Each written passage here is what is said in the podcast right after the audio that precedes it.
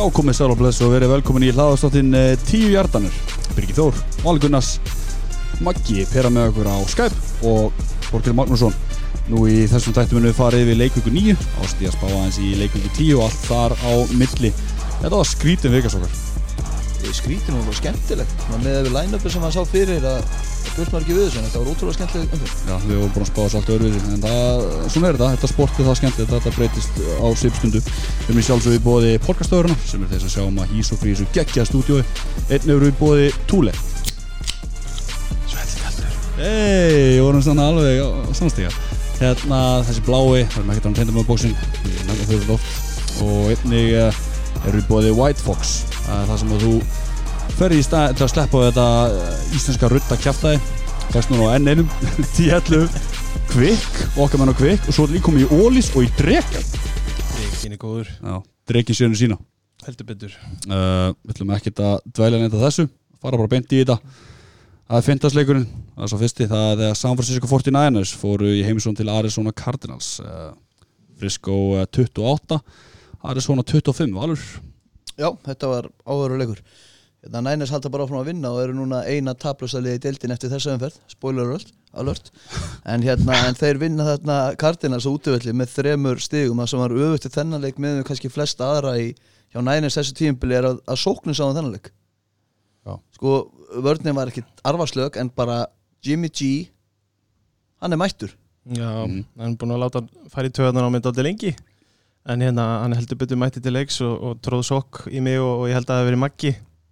Allavega í byli, en ég meina hann þarf að halda þessu áfram, þá verður erfitt að stoppa hann NS Já, hann var, hann var hérna frábær hann var með hvað, fjögur touchdown og, og, og hvað, 340 og eitthvað hjarta mm -hmm. og hérna og hann, eins og segja, hann bara leit virkilega, virkilega vel út. Og maður spyr sig ef að Jimmy G og sóknin að því að með þessari tilkomi Emmanuel- Emmanuel Sanders sem var með touchdown og 100 og 100 pluss 120 hjartaðana Aha. ef að þeir eru í gangi og fara í gang hver er að fara að stoppa þetta nænislið? Það er góð spurning Já, Já, ég, Maggi frábær spurning og ég meina í síðustu umferð þá var Stefin Kólmann hérna allt í öllu, núna skiptur yfir og Breyta var hérna að taka hitun og þungan af þessu og Jimmy G lúkaði bara hrikalega vel og ég ef þið spila svona þá stoppaði það fáir sko Já, já, og þú veist, og við erum allir saman um það að þetta, vörnin er náttúrulega búin að vera þeirra aðalsmerki í ár og svo byrja sóknin núna að tikka en samt vinnaði Cardinals bara með þremur stegum mm og voru bara já, voru, að mála segja heppnin en samt ekki í lokin. Þeir, þeir taka þrjú, tvöfergarnir þrjú play þar sem eru third and long Mm. þegar það er ykkur fjóra myndir eftir Já, cirka, já. og svo tvær myndir eftir og svo framvegis. Og hérna, en ég verð bara að segja, ég er ótrúlega spenntu fyrir þessu nænislið og það verður mjög gaman að sjá hvort að sóknin haldi áfram að spilin sem hún gerir þarna á móti náttúrulega aðri svona Cardinals-vörninni og svona líka Kenyan Drake kemur í mixi hann, Já, hjá Cardinals Já, Já, Cardinals hann er treyta til Cardinals á þriðudegi hann mætir á miðvikudegi, fara aðeins að kíkja í playbookið, svo startar hann bara er aðal, aðal hérna, sóknuvopni í já. Og hann er með, hvað var hann ekki með 100 og eitthvað hjarta og, og, og törstum með 110 hjarta og 1 touchdown. Og það er eiginlega að magna að hugsa til þess að eins og þú segir Biggi, rétt fekk að kíkja í playbooki hversu auðvelt er að vera hlaupar í deildinni? Þú getur mætt bara á, og verið maðurinn sko eftir korter. Já, en menna, Kenyon Drake var ekkert einhver maður sem að ég var eitthvað viss um það er einhver, einhver algjör superhetja að það en hann svínlúkaði En, eh, já, en hérna, svo ég klára aðeins karts og bara uh, klára maður leik eins og hann alltaf var á fimmtæðin að þeir eru bara karts, veist, þetta er alveg þetta er skemmtilegt lið, Murray leitt mjög vel út á köplum og svo leitt hann hræðil út á öðrum köplum og það er bara rookie QB Mhm. og ég, ég er ennþá mjög spenntur fyrir honum. Með okkar nefna Kingsbury þjálfara sem gerði tvö stór mistök. Það var fourth and one, sko, og verið 20 sekundir eftir öðru leikluta. Og, og er svona stoppar nænes en Kingsbury var búin að taka leikli þannig að þeim gaf annan sens og skoru og í staðin fyrir 14-7 hálfleik það var 21-7 Já. og svo klúraði hann einu leikli í lokin sem var svona til þess að nænes náðu að hérna, náðu að klára leikin bara rönnið út. En aftur, ég bara, þú veist ég er spenntur fyrir báðum sem liðum en skrítið það er að vera spenntur fyrir Cardinals kannski. Já. Ég, veist, ég, ég er svona á því, veist, þeir, þeir fara ekki tabluskinu sísoni sko, það sko, nokkuð nei, sko. ég er einnig að punta, punta, puntaði það mér hérna. þeir eru búin að vinna áttaleiki, það eru Bucks, Bengals Steelers, Já, þegar Steelers var bara í læg þannig í þ- þriðju umferð. Já, Browns, sem er ekki að ríða feitum höstu frá þessu móti. Rústuð Rams á útivelli sem verður að gefa major credit fyrir svo hérna vinnaðir Redskins rústa Panthers og vinna núna Cardinals. Nákvæmlega. Svo ég er eftir Seahawks hérna heima, Cardinals heima, Packers heima svo kemur Ravens úti, Saints úti og svona. Mm. þetta er erfitt, erfitt prógram eftir það Já. Þeir eiga rosalega erfið að leiki eftir. Ég er með, er með þetta enda fyrir fram mig af síðustu átta eru sex alveg bara svona hjútsleikir en ég ætla ekki samt að, að fara að horfa á 49 sem liði sem hefur unni léluguliðin endilega. En það verður geðveitt að sjá hvernig þeir koma út úr prógraminu í lokin. Það, þú veist, það er að döða að drepast núna í hæðum og svo er náttúrulega Hughes í þessum leik þegar mista Kwon Alexander Já, sem er hann að linebackerinn hann er út og, og það er gaurin sem er replacear, hann er rookie. Það verður spennandi að sjá hvað ég gera þar Mjög spennandi. Yes. en þetta var allavega áhöruleikur, skemmtlur Já, nokkulega, höldum áfram og fórum okkur á sunnudaginn. Fyrsta umfyrir sem byrjaði kl. 6 Það er bara komið nótt þegar þetta byrjaði. Uh, Houston Texans og Jacksonville Jaguars áttust við í London Síðastir Londonleikurinn í ár. Houston Texans 26 og Jacksonville Jaguars 3 Kallabinn nú vorum við allir held ég að horfa á hana leik. Við vorum hann að hressir og kátir klukkan 14.30 gefið spenntu fyrir að sjá hérna London-leikin actually svona fyrirfram á svona bara einna betri leikum helgarinnar ég ætla að vóta bara að þetta sé leiðilegasti leikur sem ég hef séð á þessu ári. Ég held ég hef aldrei bara ég aður, ég skil ekki að London búið sér ennþá að mæta á leiki, ég bara skil það ekki. Ég skil, ekki, ég skil ekki hvernig þetta endaði með óskupum Þetta var bara, sko, það fór ekkert fyrir þessum leik. Hann bara einhvern veginn rúlaði í gegn og maður var mest megni á leiknum að láta það færi töðunar á sér hversu lélitt þetta var. Mhm. uh, Sko, þetta er síðasti London-leikurinn í ár Þannig að það er búið sem er ágætt eins og þú segir Og Texans hérna síndu bara öllum að þeir ætla sér í playoffs. Án JJ Watt með lélega sóknarlínu og bla bla bla bla bla og þeir bara, þeir taka Jacksonville og rúlla bara þægilega yfir á. Er hlaupa bara yfir Jaguarsvörnina Carlos Hyde sem að ég veit ekki hvaðan það kemur hjá honum sko 19 tilhörni fyrir 160 jördum bara algjörlega ótrúlegt og merkilegt hvað hann virðist eiga mikið inn á, inni hann var bara frábær í þessu leik. Watson náttúrulega bara flottur 200 hjartar og 2 touchdown bara hann þurfti ekki að gera neitt meira hlaupa leikurinn í, í toppmálum. Nákvæmlega. Ég hins vegar hlaupalegur Jaguars og ég hérna, verð bara að fá að stinga upp í minn mann Fournette 11 tilraunir og 40 hjartar þeir reyndu og reyndu og reyndu að hlaupa sér í gang sérstaklega í fyrir áleik og það gerist ekki nokkuð skapaðar hlutur. Og ég ætla bara að segja klassísku leikur, þetta er eitt langt og, og tíu sem skila engu hjá honum það er samt búin að vera mikilvægur síðustu leiki, fimm leiki. Búin að vera með yfir hérna, 100 hjarta, 5 leiki í rauða og ég vona þetta sé ekki það sem koma skal hjá honum að því hann er actually komin á beinubröðinu úr þessu bulli sem hann hefur verið í. Já. ég veit að Byggi, þú varst að fylgjast með þessu þannig að þegar ég var að reyna að, að ná þér upp í að drulla yfir hann á sunnudaginn. Þeir lenda hérna bara mjög illa undir í, í þriða leikluta og svo bara náður ekkert að grafa sig upp úr í og, og, ég er ótrúlega hrifin að þessu Texansliði ég bara einhvern veginn skiptir einhver máli hvað bjátar á vörðin hjá þeim virðist bara styrkjast við að missa JJ Watt sem er ótrúlegt. Ég held að það, ég held að þeir myndu tapa þessu leik út af því, ég held að það væri bara of mikið fyrir þá að missa hinn edge-rushinu sinn eftir að hafa treyta kláni í burtu. Þetta er svona Ewing-kenningin þannig að þú veist, besti leikmanni fer mm. þá fara allir, allir hinnur og stíga upp eitt skref og þá verður bara vörðin betri. Alveg ótrúlega merkilegt. Það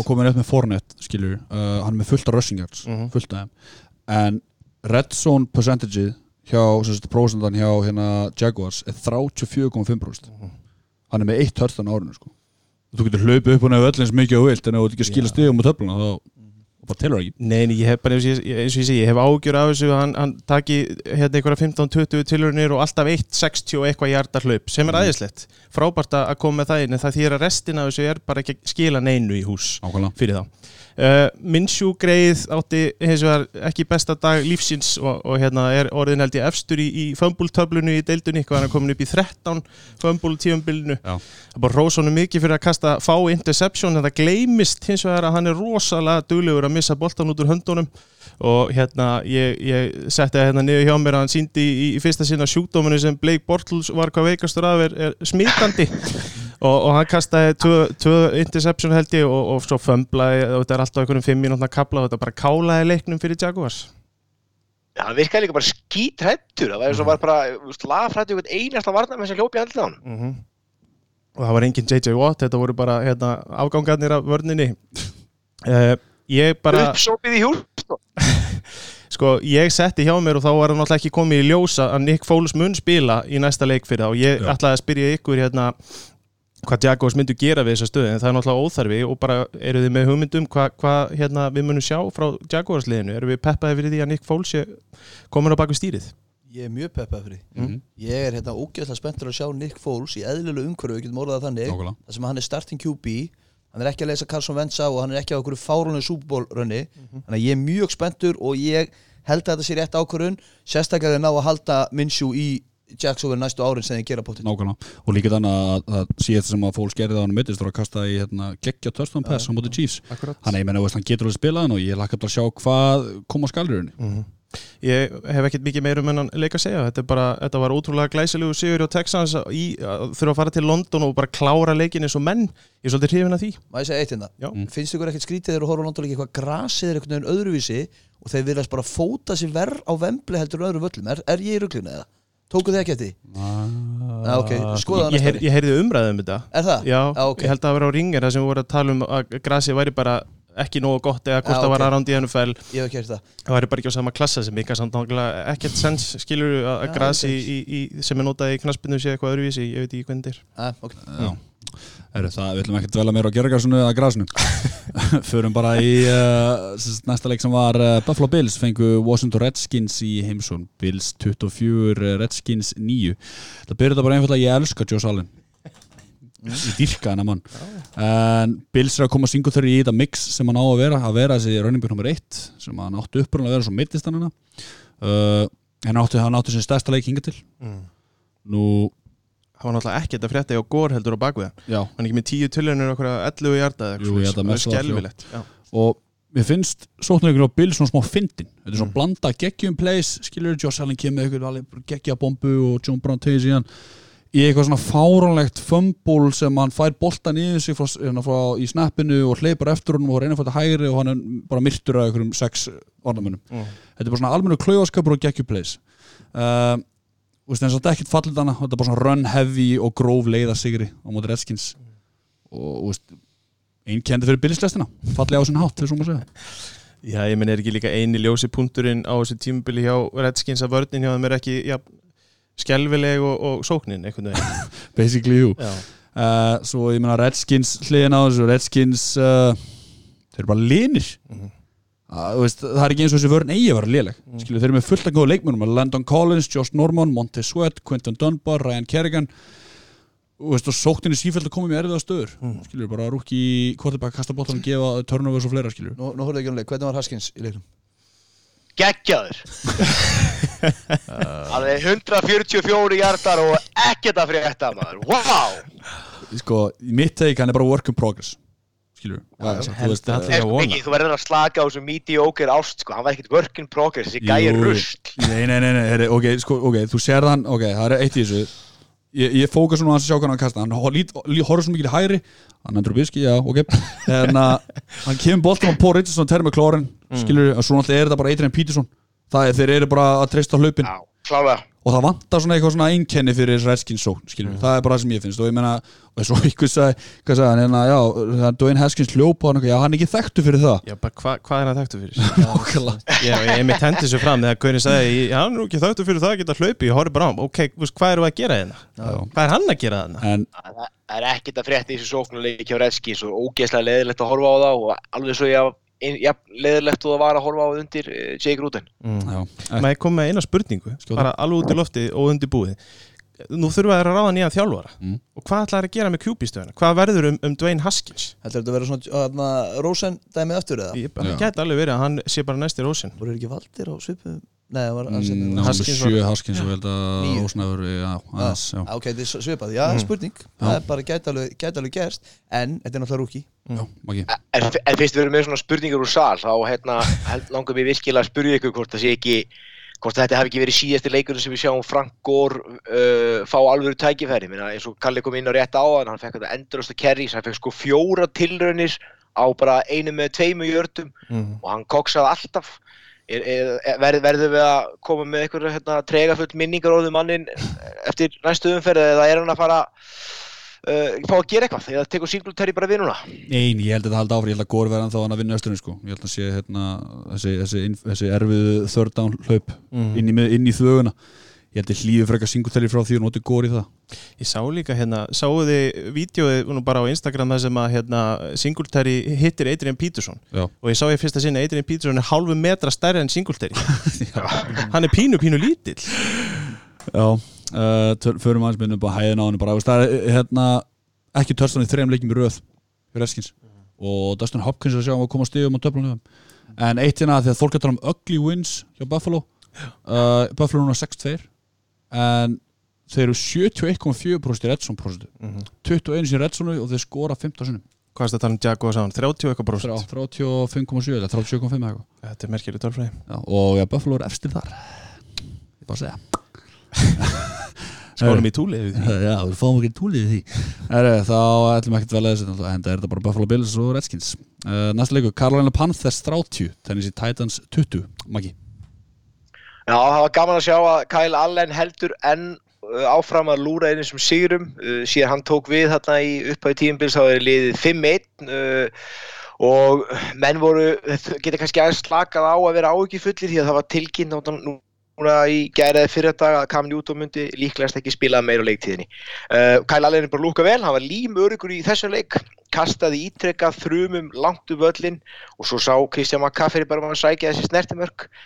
Uh, Gæinn síndi og sannæði það er að segja McCaffrey að hann er á geggjæri leiði með að verða sóknumæður ásins. Í þessu leik var hann gjörsanlega guðdómlegur og maður bara var með sleði niður á högu bara hann allan leikin að horfa á hann. Uh, Vörd Panthers var líka flott uh, og lokuðu gjörsanlega á Titans á stórum parta af þessu leik. Þeir endur með fjögur sökk og tvö interceptions. Uh, en Titans svona náðu að klóri bakkan hann við miðbyggið og vin- vinna sér hægt inn í leikin og tíma var ég alveg viss að þau myndu jafnvel bara jafna en svo var bara eins og þið vildu ekki þennan sigur. Þeir voru alltaf bitlausir. Mm. það vantaði alltaf eitthvað upp á executionið og virkuðu bara hrættir eða eitthvað.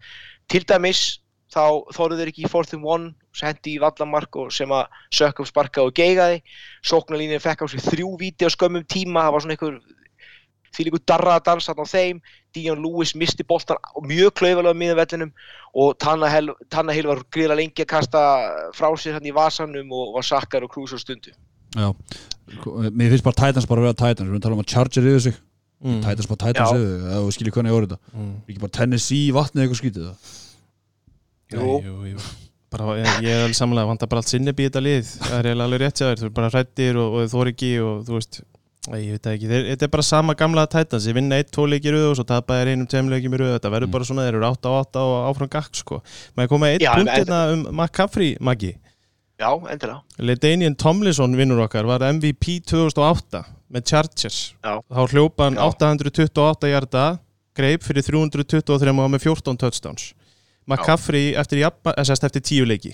Nei, 9 leiki. Leikir. Áttalegi McCaffrey núna er komið 881 hjarta í hlaupin 363 hjarta gripna og 13 touchdowns. Hann er yfir Það er öllum tölum einu touchdowni frá því að jafna.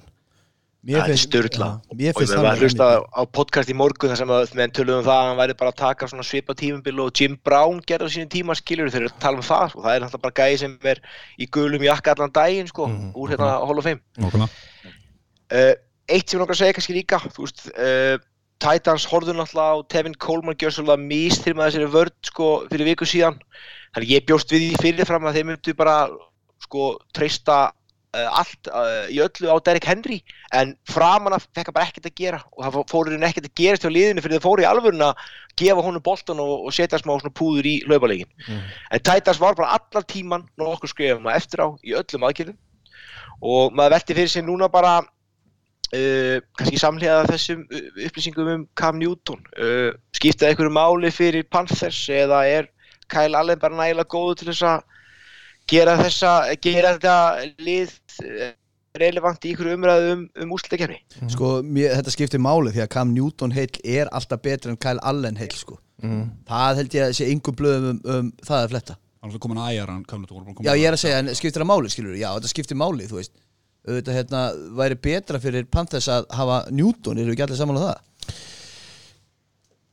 Newton alveg heilan, Já. jú en Já. ég menna þeir töpuðu nýju leikjum í röðum með Newton áður en að þetta 5-1 Mm dæmi fer í gang og hérna jú, þetta skiptir að máli ég er búin að heyra, las það í dag að ef það er- ef það treytónum að losa við hann núna þá losaði 19 miljónir Já, Já, Panthers, þannig að þetta er rosalega skrítin staða og ég, hérna, mér langar að bara svona taka leikinu mútið 49ers aðeins út, ég menna þeir skýt töpunum á öllum Já, sviðum, það er ekkit Kyle Allen endilega að kenna, það er eðlilegt að hann sé hættur en hann er bara einn af þessum ungu gaurum einhvern veginn sem er að koma hann á óvart og ég vil ekki að segja hann sé eins en það verður áhugavert að sjá hvað ég gera með Newton sko. en 90 miljónir fyrir topp quarterback er ekki svo mikill peningur Nei, það er bara spurningin hvort þú sést tilbúin þá bara til að rétta, rétta. Kyle Allen já, já. og reyna að nota Já, 90 ég skil. miljónir í eitthvað annað sko. Nákvæmlega Já, ég, ég ætla bara svona endingu, bara svona ítrekka ást mína á Kristján McCaffrey á þessu tímabili og í þessum leik valdi hann túli leikmann vikunar, hann setti þrjú touchdown, mm. uh, tvö sem hann hljóp fyrir og eitt sem hann greip fyrir og hann var algjörlega geggjaður. Sammála því, Góður endur algjör skepna uh, Fengum manna spurningu á Twitter. Er Panthers jójó deildarinnar? Myndu þið segja það? Titans er deildan Það var það ekki, það er ekki fröka Titans. Ég held að sé Titans, jú, algjörlega. Ég meina, jú, jú, þeir eru 5-1 Já. í síðustu 6 Já. Það er heldur vel gert. Og þú veist í rauninni eiga Titans var 2-6 því þið fenguð hann að gefin sér á móti Tampa Bay Buccaneers og klóna field goal í leiknum undan á móti Já. Chargers sem var rétt þannig að þeir eiga að vera 2-6 réttilega senda post á NFL ef við tökum Og hann frænka mín var í frendi minna, var hann með tippi. Ef, ef, ef, ef við tökum hennar fyrir skóleik út þá hérna, er það ekkert mikið jóðu þannig séð. Nei, alltaf og hefðilegur um að Herðu, frá þessu fyrir við bara til beint til eh, Kansas City. Kansas City eh, 26 Minnesota Vikings eh, 23 valur. Þetta var því líki leikurinn maður. Hérna, Kansas City, það vantar ennþá tæklarinn hjá þeim og hérna, Frank Clark og, og hérna í, í, sóknul, hérna, í varnalínunni hjá þeim. Og vantar náttúrulega Patrick Mahomes MVP deildarinnar. En samt vinna þeir Minnesota Vikings sem er hörkulið á fylgólið þegar eru þrjálfsökundur eftir. Mhm. þannig að þetta Kansas City líf síndi bara þeir eru með hörkulið og það sem skiptir miklu meira máli þeir eru frábæla þjálfaðir Aha. þeir eru um Andy Reid sem getur látið Matt Moore líta vel út og gæðin var að þjálfa háskólið fyrir hvað, mánuðis, eða einhverju mánuðin síðan eða eitthvað Mhm.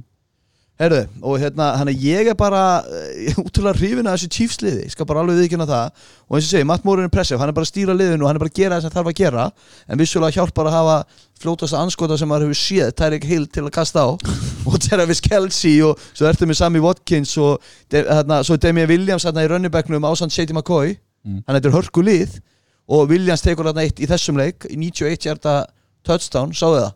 Hleypur sturlað. og sáðu þið Tyreek Hill á eftir honum. Þetta var, þetta var magna að sjá þetta. Tyreek Hill hann stakk alla af bara til að leiða vinsinn í, í þetta touchdowni. Þeir eru búin að kýta eitthvað um það hvort er fljótari sko. Þannig að Tyreek Hill var að prúka pointana. Já ok, ég vissi það ekki.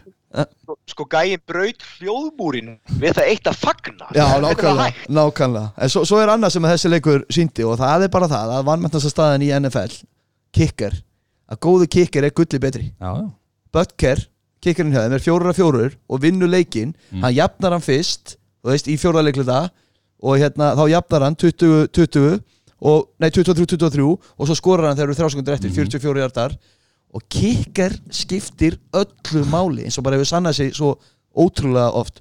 En hérna, og svo bara annað vörnina Chiefs, hún bara leitt vel út. Þetta sko, fyrir leikjum að Vikings einhver þriðja besta sókn í deildinni. Já, veist, hún heldur hann með ykkur 300 og eitthvað jördum, eitthvað mm. og hérna Kúk þú veist, heldur Kúk í skefum, hann endaði alveg með 100 pluss jarða en hann var samt ekkert með eitthvað svona uh, Dalvin Kúkleik Nei, og Stefan Diggs Þílen fór meittur út af, spilaði eitt play. Hvaða mannmónskaði það bæði vei fyrir fantasy spila og nú er ekki fantasy en kona mín með Þílen í liðinu. Að segja menn séu aktív svo spilaði eitt play og hann er hugsanlega út í næsta leik líka Já. en Þílen já aðja, allavega. En en, Dustin Jackson á móti hérna hjá Eagles. Já, einmitt, þetta er bara, þetta er svipur Rústa, hann er einstakt. out for a season sko. en Stefan Diggs, sorry, var með eitt grip fjóra hjarta Lokaði hann? Já, ég veit ekki. Ég veit ekki á móti Chiefs. Nei, en þeir lokuðu á hann algjörlega ég er með hann í fantasy og ég var svo að vona þegar þýlinn fór út af nú myndi fengi ykkur risa viku en sá bara sást ekki, það var yfir frakki á hann allan tíman Já, nákvæmlega. Og bara gerðu það vel. En þú veist, ef við tökum aðeins og Chiefs er the real deal. Já, já. Og eftir þessa umferð eða viku, kannski tölum við betur eftir þá er AFC orðið rosalega spennandi eftir en það er önnur umræða kannski eftir. En varandi Vikings, þá er svolítið erfitt að staðsetja á sko Cossins var fítni í leiknum. Hann var ekkert, þú veist, ekkert frábæra hann var með 200 okkar hjarta, 220 okkar hjarta og þrjú na, touchdown. Mm. en þetta er samt svona ekta leikur sem að Vikings tapa og Kirk Cossins tapar. Já. þetta er leikur sem var mikil aðtekja á Chiefs með hörkulið uh, Vikings með hörkulið og á svona rönni. Það þeir eru með laskaða varnalínu laskaða sóknalínu og backup QB Mm. þetta er leikur sem að Vikings á að klára það er alltaf að taka sér alveg Klálega Og, og nei, þú veist, þótt að það var bara 2023 skilur Og samt sem að það myndi að falla á Cousins Af því að hann tapaði skilur Og Já, þetta ég myndi bara meina- koma ekkur þannig að spilna og koma Ok, hann tapaði útvelli það það Það. vinnur ekki á útvelli skilur Og líka þannig úti á Arrowhead líka skilur Og margir fylgjast með þér líka Því að hann var hann að erfum stadium. Og svo er munur á góðum fransæsum og frábærum fransæsum að frábær fransæs þau kvíla leikmannin sinn lengur en, en skemur til að rössa þeim ekki inn. Og þýlen er líklega frá í næstu viku. Já. hamstringin bara fór, fór aftur. Og ég held að það hefur sniðið þetta kvílan í ein, einu auka viku eins og eins og segi, bara balansiruð fransæs gera.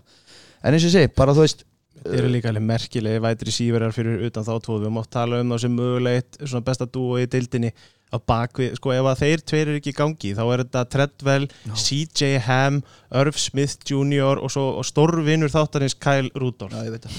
Þú veist, þetta er, það, það, þeir bara verða að vera, þú veist, eins og Dixie í þessum leik, hann bara verður að vera betri heldur en þetta. Það er bara þannig. Já. já. og ótrúlega, ótrúlega dýrmætt líka fyrir þá að, að hafa þýlen þeir sem eru alltaf geðu ykkur útverji í, í leikjum sem eiga framöndan þeir eru Cowboys næst, svo kemur Broncos og svo Seahawks eftir það Já, Meina, hérna, þeir hafa ekkert efna því að missa mann bara út af ykkur fljótfærni sko. Nei, Akkurat. nákvæmlega. En áður leikur og hérna ekki, hérna, ekki góða dagur fyrir Vikingsmenn en frábær sigur fyrir Chiefs sem að fá Mahomes líka í næstu viku. Já, og án Mahomes eru þeir hvað, einn einn? Eða eru þeir tveir einn? Tveir einn eða ekki? Þeir, þeir unnu hérna Denver og unnu og töfur fyrir Packers. Já, tveir einn. Unnu ekki Denver, jú, Það er nokkur gott með Matt Moore í, í nákvæmlega. Herru, uh, farum okkur að þess að förum uh, til Philadelphia Philadelphia Eagles uh, 22, Chicago Bears 14, Kalli. Já, elsku vinir okkar í Bers það er allt á mótið þeim á þessum tímapunkti. Í þessum leik þá bara tókst þeim ekki að stoppa Howard og Sanders í, í hlaupaleiknum. Þeir eru sama með 142 hjarta og, og Howard er með touchdown og hann á, á það kem sóknin og Bers aldrei að stað. Mitch, stórvinur okkar 10 af 21, 125 hjartar og hlaupaleikurinn sem Nagi sjálfur munið þegar hann saði I'm not an idiot. Já, það er ekkert að frétta þar heldur. Hann er ekkert í forgrunni og var ekki merkilegur. Það eru 47 hjartar samanlagt touchdown reyndar frá David Montgomery já, já. frábært, skilur það er svona red zone score en það er ekkert, það er bara ekkert að gerast hjá þeim, vörnin er í bullinu sóknin er í bullinu og, og, og ég, veit ekki, ég veit ekki hvað maður á að segja. Ég sko náttúrulega í háluleik í þessum leik Já, þá var startlæni þannig að Philadelphia með 202 samtalsjarta Bears voru með nýju samtalsjarta áttar hlaupverða og einn passingjart Veist, þetta, var, þetta var alveg? Já, þetta er stjartfræðilega lélegt hjá þeim. Og ég meina, þetta er lið sem menn er að spá sigri í riðlinum, margi hverjir á þessu tímabili. Já, Já, eðlilega ég Ég, ég, er að, se- ég að segja Já, fyrir ekki, já, ég ætla að hvað ég ég er að segja það er, það er gali að vera í Já, þessari já, stöðu á já, þessum já. tímapunkti. Já. uh, Eagles, eins og þú segir, er náttúrulega bara mikið, mikið betri í sérstaklega í fyriráleik, komast bara í 19-0 og svo halda þeir bara út. Þeir skora eitt fílgól í, í lokin og leiknum í fjóraðleikluta eftir að Bears ná að minga munin í 19-14 en, en hérna uh, ég ætla bara að koma með þetta núna. Ég er, ég er hættur að gera grín að, að Mitch. Takk. Þetta er bara orðið þetta er orðið hérna þetta er bara orðið leiðilegt. Í alveg, það, veist, ég er bara fann að vorkja núna Mér finnst þeim líka umræðin vera svolítið að snúast hann í bandaríkjunum að menn eru svona hættir að bauna á mitts eins mikið og farnir að snúast á naki Já, ég held að það sé, er vandamálið. Ég, í alveg ég held að þetta, þú veist, Mitch, Mitch er ekki nógu góður. Og það vita það allir en, en eftir, eftir nýju leiki þá er ekki hægt að klína þessu bara öllu á Mitch Trubisky, það er bara en, en eitt hlutur í þetta, sjö leikir sem hann er búin að starta og spila, hann var mittur hann á Chase Daniel að spilaði, spilaði tvo.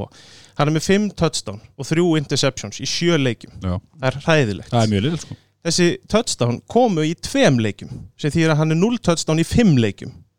Þrjú touchdown á móti Washington Redskins og tvö í tap á móti Saints. Þetta er ævintýrnalegt bara gengi í Chicago á þessu tíumbili er eiginlega bara óþólandi mm þetta fyrir mér í töðun á mér og ég þól ekki bers af því að maður ætlaðist til þess að þetta er eitthvað alveg lið. Hvernig er þetta lið búið að vinna þrjá leiki? Getið þið svarað með því? Já, það er unnu náttúrulega á, á, á hérna, lélugum dómi þegar bara allir tjöpadendur hérna fyrir Rough in the Passer og þeir Mhm. skoruðu á síðustu sekundum Já. til Denver. Og svo vinnaði Redskins. Já, ég er komin á þann En- punkt að- að að Mitch þurfi bara að fá að sitja. Ég held að þurfi bara að Nei, kannski líka bara þess að við erum búin að fókusa rosalega mikið á Mitch Trubisky. Mhm. uh, en ef við horfum líka bara á hlaupaleikin á liðinu, þú veist, við, við komum inn á því síðasta þætti, Tari Cohen hefur bara við mikið hýrt hann nefndur á nafnin í Nei. langa tíma, þetta var maður sem var bara ógeðslega flottur í fyrra á stórum köflum. David Montgomery setti 2000 núna, en hvað er búin að eiga marga leiki sem hann er að hlaupa, þú veist, yfir 60 hjarta, tvo eða þrjá? Já, ég finnst það og, og ég held að Tari Cohen sé ekki komin yfir 100 hjarta á tímabilinu Nei, Nei, nákvæmlega, og svo horfum við hinum megin á, þú veist, Jordan Howard sem við litum fara og Mhm. hann var að taka eitthvað tæplega 90 hjart í þessu leik og virkaði bara vel og búin að svona ákveð stígandi í hans leik Mhm. þannig ég velti fyrir mig hvað í óskopunum varð um hlaupaleikin sko. hann er bara, það er allt út á þekju og ég líka ég lustaði á, á podcasta sem voru að tala um að Luka er bara eins og Nagi væri veist, hann var stjarnan í fyrra hann er mm. þjálfari ársins og núna virkar það bara eins og gaur sem hefur enga, engan taum skilur, það er bara eins og að sé eitthvað massa pressa á honum og hann þorir ekki að gera mistök. Það Já. er bara lítið þannig út. Uh, ég ætla að koma neitt með Tari Cohen. Uh, Ég nefndi fyrir eitthvað þáttum síðan Þetta taka þetta play alltaf. Að fær Trubisky boltan, þetta hæri Tari Cohen kemur úr backfieldinu og er alltaf hægra megin hann fær boltan og mætir alltaf einn á móti fjórum Ég veit það, er búið Ég að gerir gera þetta aftur og aftur og aftur. Ég held að koma fyrir ykkur með. En Eagles, ég bara, hvað, hvað var ég að segja? Ég er náttúrulega bara brendur af ígúlsliðinu af því ég er búin að hafa svo svakalega mikla trú á þeim. Og ég, ég veit ekki alveg hvað ég á að fara með þennan leik. Og ég er bara, ef þú vilt að kasturni lítið vel út, þá spilaru á móti Bears, akkurat núna. Og ef þú vilt að hlaupa leikurinn lítið vel út þá spilar á móti Bears núna, það bara virkar einhvern veginn þannig. Þannig ég ætla ekki að taka eitthvað rosalega mikið út úr ígúlsliðinu á þessum tíumbúndi þessi leikur var bara prump, þeir bara komast 19 og lifir og setna áleika bara sigla þessu út. Þeir bara býðu og býðu og býðu já ok, þeir jafna næstu í þá bara field goal leikur búin Deshaun Jackson út tíumbilið ég, bara sko, maðurinn hann var bara allar áhyggjur heimsins á sér. Bara, það bara verður að koma Sjó Jackson aftur inn í ígúlslið annars bara geta þeir ekki neitt hann meiðist núna og fer í aðgerið það ekki og veriðist ekkit alltaf spila að minnstakosti ekki næstu x marga leiki og sennilega ekki meira á tíma þetta er ég er bara þetta ígúslið er farið að fara að lúmst í töðunar á mér. Ég veit ekki sko ég meina þeir letu að bara hljóma þannig ef að, ef að Deshaun Jackson er ekki með þá er tímabili búið hann kemur og spila, grípur eitt bolta tóknar aftur eða rýfur eitthvað eða kviða og er, er out for the season. Það myndi á Neymar umræðina hérna Brasilia Þískaland hérna HM 2014 ég, ég segi bara hérna í lokin þetta var mjög mikilvæg sigur samt fyrir Eagles. Þetta var bara sigurinn sem þið þurftu nú halda þér í við Cowboys. Já, og hérna sko áttastega sigur á móti BS er bara ekkit íkja merkilegur á þessum tíumbúndi því miður. Nei, það er búist við að það er skipt meira máli. Mm. um, Ekkert til halda ára minna Það er bara næsta leiku, það er uh, Miami Dolphins 26 New York Jets 18 Valur. Sko það er bara eitt sem ég ætla að segja um það leik. Það er í fyrsta skipt síðan 1994 þá fengur bæði lið safety á sig. Þannig að bæði lið skoruðu sjálfsmörk í leiknum. Og það segir bara allt um þennan leik og þessi lið og ég ætla að leifa þér að taka þetta byggja, kjör svo Ok uh, ég, veist, Mér langaði ekki að Miami myndi vinna Því ég er all in í þessu tankmót. Já, býttu, já, býttu, býttu, ok, leið mér að klára. Ég er all in á þessu tankmót. Ég skil ekki af hverju, ég hef sagt þetta aður Ryan Fitzpatrick er ekki franchise quarterbackin í Miami. Alls ekki. Akkur hann er þá áhrif það hver minn franchise quarterback í framtíðina verður? Hver er draftaður, skilur, nummer eitt Oftast, franchise quarterback? Kyler Murray uh, Carson Wentz og Jared Goff á sínum tíma. Johnny Mansell Rust ok, það skiptir ekki máli með það En bara point being, skilur First overall þetta er pick. ekki draftaði nummer First overall pick. Það, þú ert, Við erum að fara að fá franchise quarterback með þessu picki. Þetta byrjaði allt árið 2017 þegar leitu Mike Pouncey fara frá okkur. Síðan þá hefur Jarvis Landry, Quinn farið til Cowboys Sue, Cameron Wake Minka Fitzpatrick og treytar í ár, Kenny Stills Laramie Tunsil og Kenyan Drake. Það er ekkert andlitana Það er enginn hana til að representa franchise Þannig ég ætla að leiða mér að bara vera fucking pyrraður við því að mittlið hafi unni leik. Að ég vildi fá first overall. Við erum með fourth pick núna sko. Bengals líta actually vel út núna. Við heyrða þetta efsta pick tablaus, nei hérna sigurlausar á þessu tímbili ég skilði alveg óbáslega vel en það er bara því miður lélega liði í þessari deild til hamingju. Ég, ég veist það sem er ótrúlegt. Að Það Við er ekki með leikmenn í þessu. En mér finnst ótrúlega gaman, ég var að hlusta á podcast í morgun sem að hérna, þáttastjóðandi það var að tala um það að þú veist, vissulega er, er það öllum ljóst að Dolphins er í tankmót en það er ekki leikmenni sem völdu sig það. Þeir eru að berjast margir fyrir lífi sínu bara að fá að spila í öðru liði á næsta ári eða hjá, hjá Dolphins. Þannig að þeir fagna þessum sigri ógulega það er að segja þeir sem síndu eitthvað. Uh, en vákværum taði mikið um leik sem að var hundleðilur. Já, ok, eina sem þú komið inn á bara Brian Flores fekk Gatorade sturtu eftir að hafa unni. Jets. Bill Belichick fæði sturtu fyrir að vinna Super Bowl Skilju Doug Peterman fyrir að vinna Super En ég Bowl. meina, við, mér finnst þetta alveg áhugavert ef við tökum aðeins til þeim með Sam Darnold. Ég meina, Adam Geis þarf bara að fara sem fyrst mm Mhm. að Þetta getur bara slæma áhrif á Sam Darnold til framtíðar. Já, og, hérna, og annað sem ég ætlaði að taka um í hérna, vonbröðumröðunum daginn að Jets eru ein mestu vonbröðin í dildinni þetta er ekki lið sem ætla að tanka. Nei. þetta er með eitt besta safety í dildinni í hérna Jamal Adams heitir hann ekki, jú, Jamal Adams. Og hérna, og þeir eru með Le'Veon Bell, Já. þeir eru með Sam Darnold þeir eru með Anderson hérna, þetta er alveg ágætist lið þegar maður horfður á það, já, já. Þeir eru bara lélast að liði dildinni stokkar Ég, ég er með tvo punkt á ég ætla hérna, að taka Geis umræðuna og við, ég hef sagt þetta áður af því að ég þól ekki Adam Geis, ég skildi ekki þessa ráningu og hún, þú veist, það var ekkert gæti brúðið til begja átta atriði hérna. Hann er hérna til að gera Sam Darnold betri af því að Peyton Manning er besti vinnur hans. Þú veist. já, þaðan koma meðmælin með honum Hvað, á þessum tímapunkti, hvað er hann að gera þarna? Til hvers er hann þarna? ég meina, þú veist, að- já, betra að hafa ykkur en engan kannski, ég veit ekki þeir Ég meina, eru þeir ekki með besta hérna Caretaker manager. Já, caretaker manager vörnir deildinni. eru svo frábær En alltaf, ég samála makka, þetta er hundleguleg leikur í- með já. og umulið maður bara einn ein, pínu lítil punktur í viðbót Brian Flores, Já. fær hann ekkert kredit af því að mér finnst þetta vel gert hjá honum Jú, jú, uh, samt ekki ég, nei, ef, ef, ef þú tekur tanki út úr þessu af því að við vorum að tala um ætti að reka Brian Flores. Mér actually vel gert hjá honum af því að þú veist að segja að sé engi leikmæri í þessu liði. Það er helviti vel gert samt að fara í leik og vinna hann. Ok. Við erum með Góða þetta punktur. ég, mér er alveg sama, það er engin leikmæra. Þetta eru NFL-leikmæst En ég skil hvað það kemur, já ég skil ekki Ok, NFL leikmenn, ég ætla að beða um að horfa á þetta kynningu Ok, lag. Ég er ekki viss, ok, sko, Hérna, ok. bara smá fantasy input. Uh, Presto Williams meitir síns leik þannig að Devante Parker pikkja hann upp á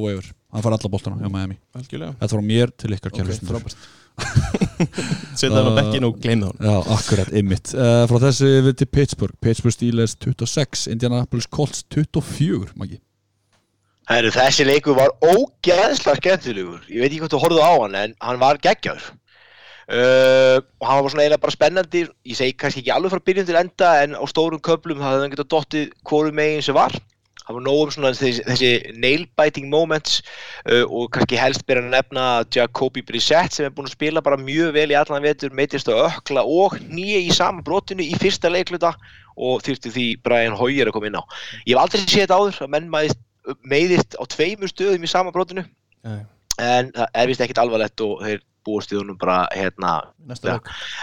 Uh, strax næsta leik, sagði það valur? Já, hugsanlega.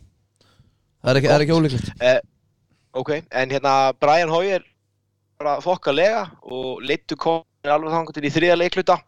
Einu místykki sem hann gerði var kannski þegar hann kastaði á Minka Fitzpatrick sem átti eitthvað styrlaðasta interception sem ég sé bara í langa tíma fyrir touchdowni, hvað var þetta, 75 hjartar eða eitthvað? Já, það var ekki Jó, hvað Uh, það var það mikið, já. Ég held það. Uh, Zach Pascal fór fyrir hermurum Colts í fjárveru T.Y. Hilton. Marlon Mack var enn og aftur allt í hlaupaleiknum uh, og Colts virkuðu bara flottir þátt fyrir meðslinn uh, en þeir, en, en, hérna, þeir fömbluður þrísa sem reyndi sendar mjög dýrt. Uh, Steelers voru alltaf nart í hælun á þeim og vörðin spilaði vel á stóru köplum ég er bara ókýrslega ánæður að sjá vörðinni Steelers, ég er búin að sakna þeirra svolítið í vetur en þarna voru þeir geggjaðir.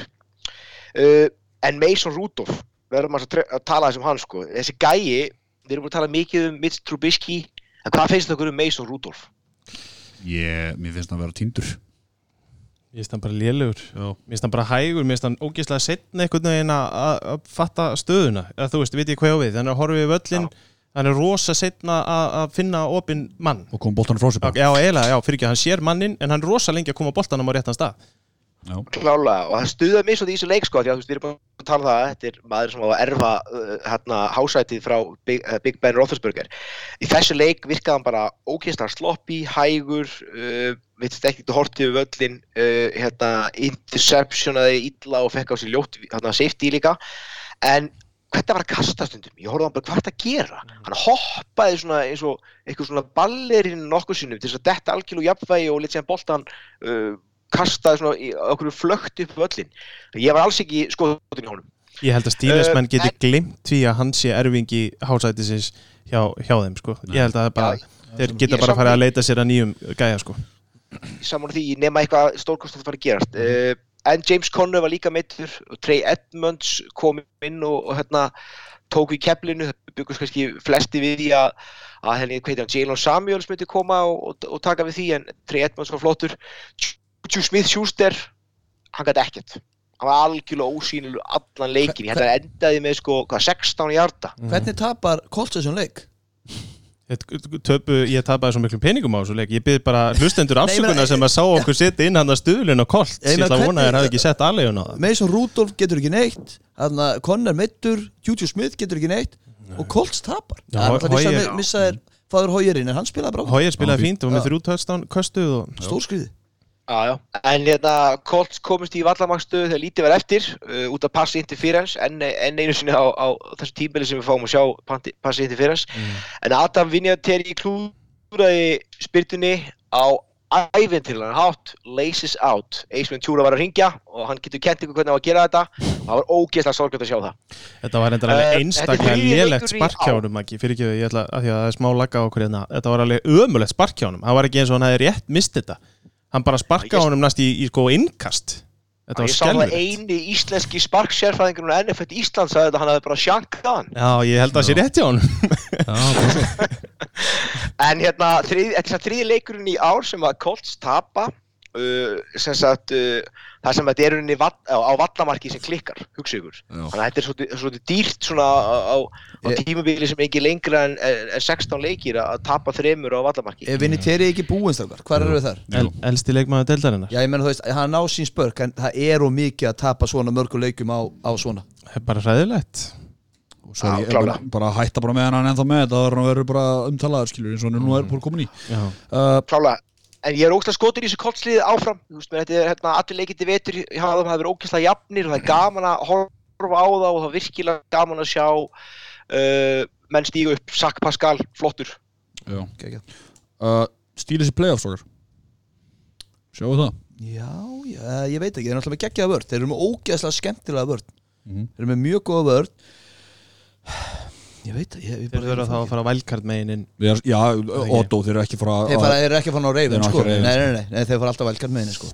En menn þeir eiga eftir sko Rams, Browns, svo þetta Bengals, aftur Browns, Cardinals, Buffalo Bills, Jú, Jets jú. og Ravens. Jú, jú, þeir geta alveg farið í play-offs Já, já, þetta, þetta, þetta hljómar ekki á um beatable schedule sko. Þetta er bara alltaf En hvað er langt í Big Ben? Meina, Mason Rudolph bara, hann má Hann úr ekki vera tímabili. Ben er út tímabili. Hann er úr tímabili sko.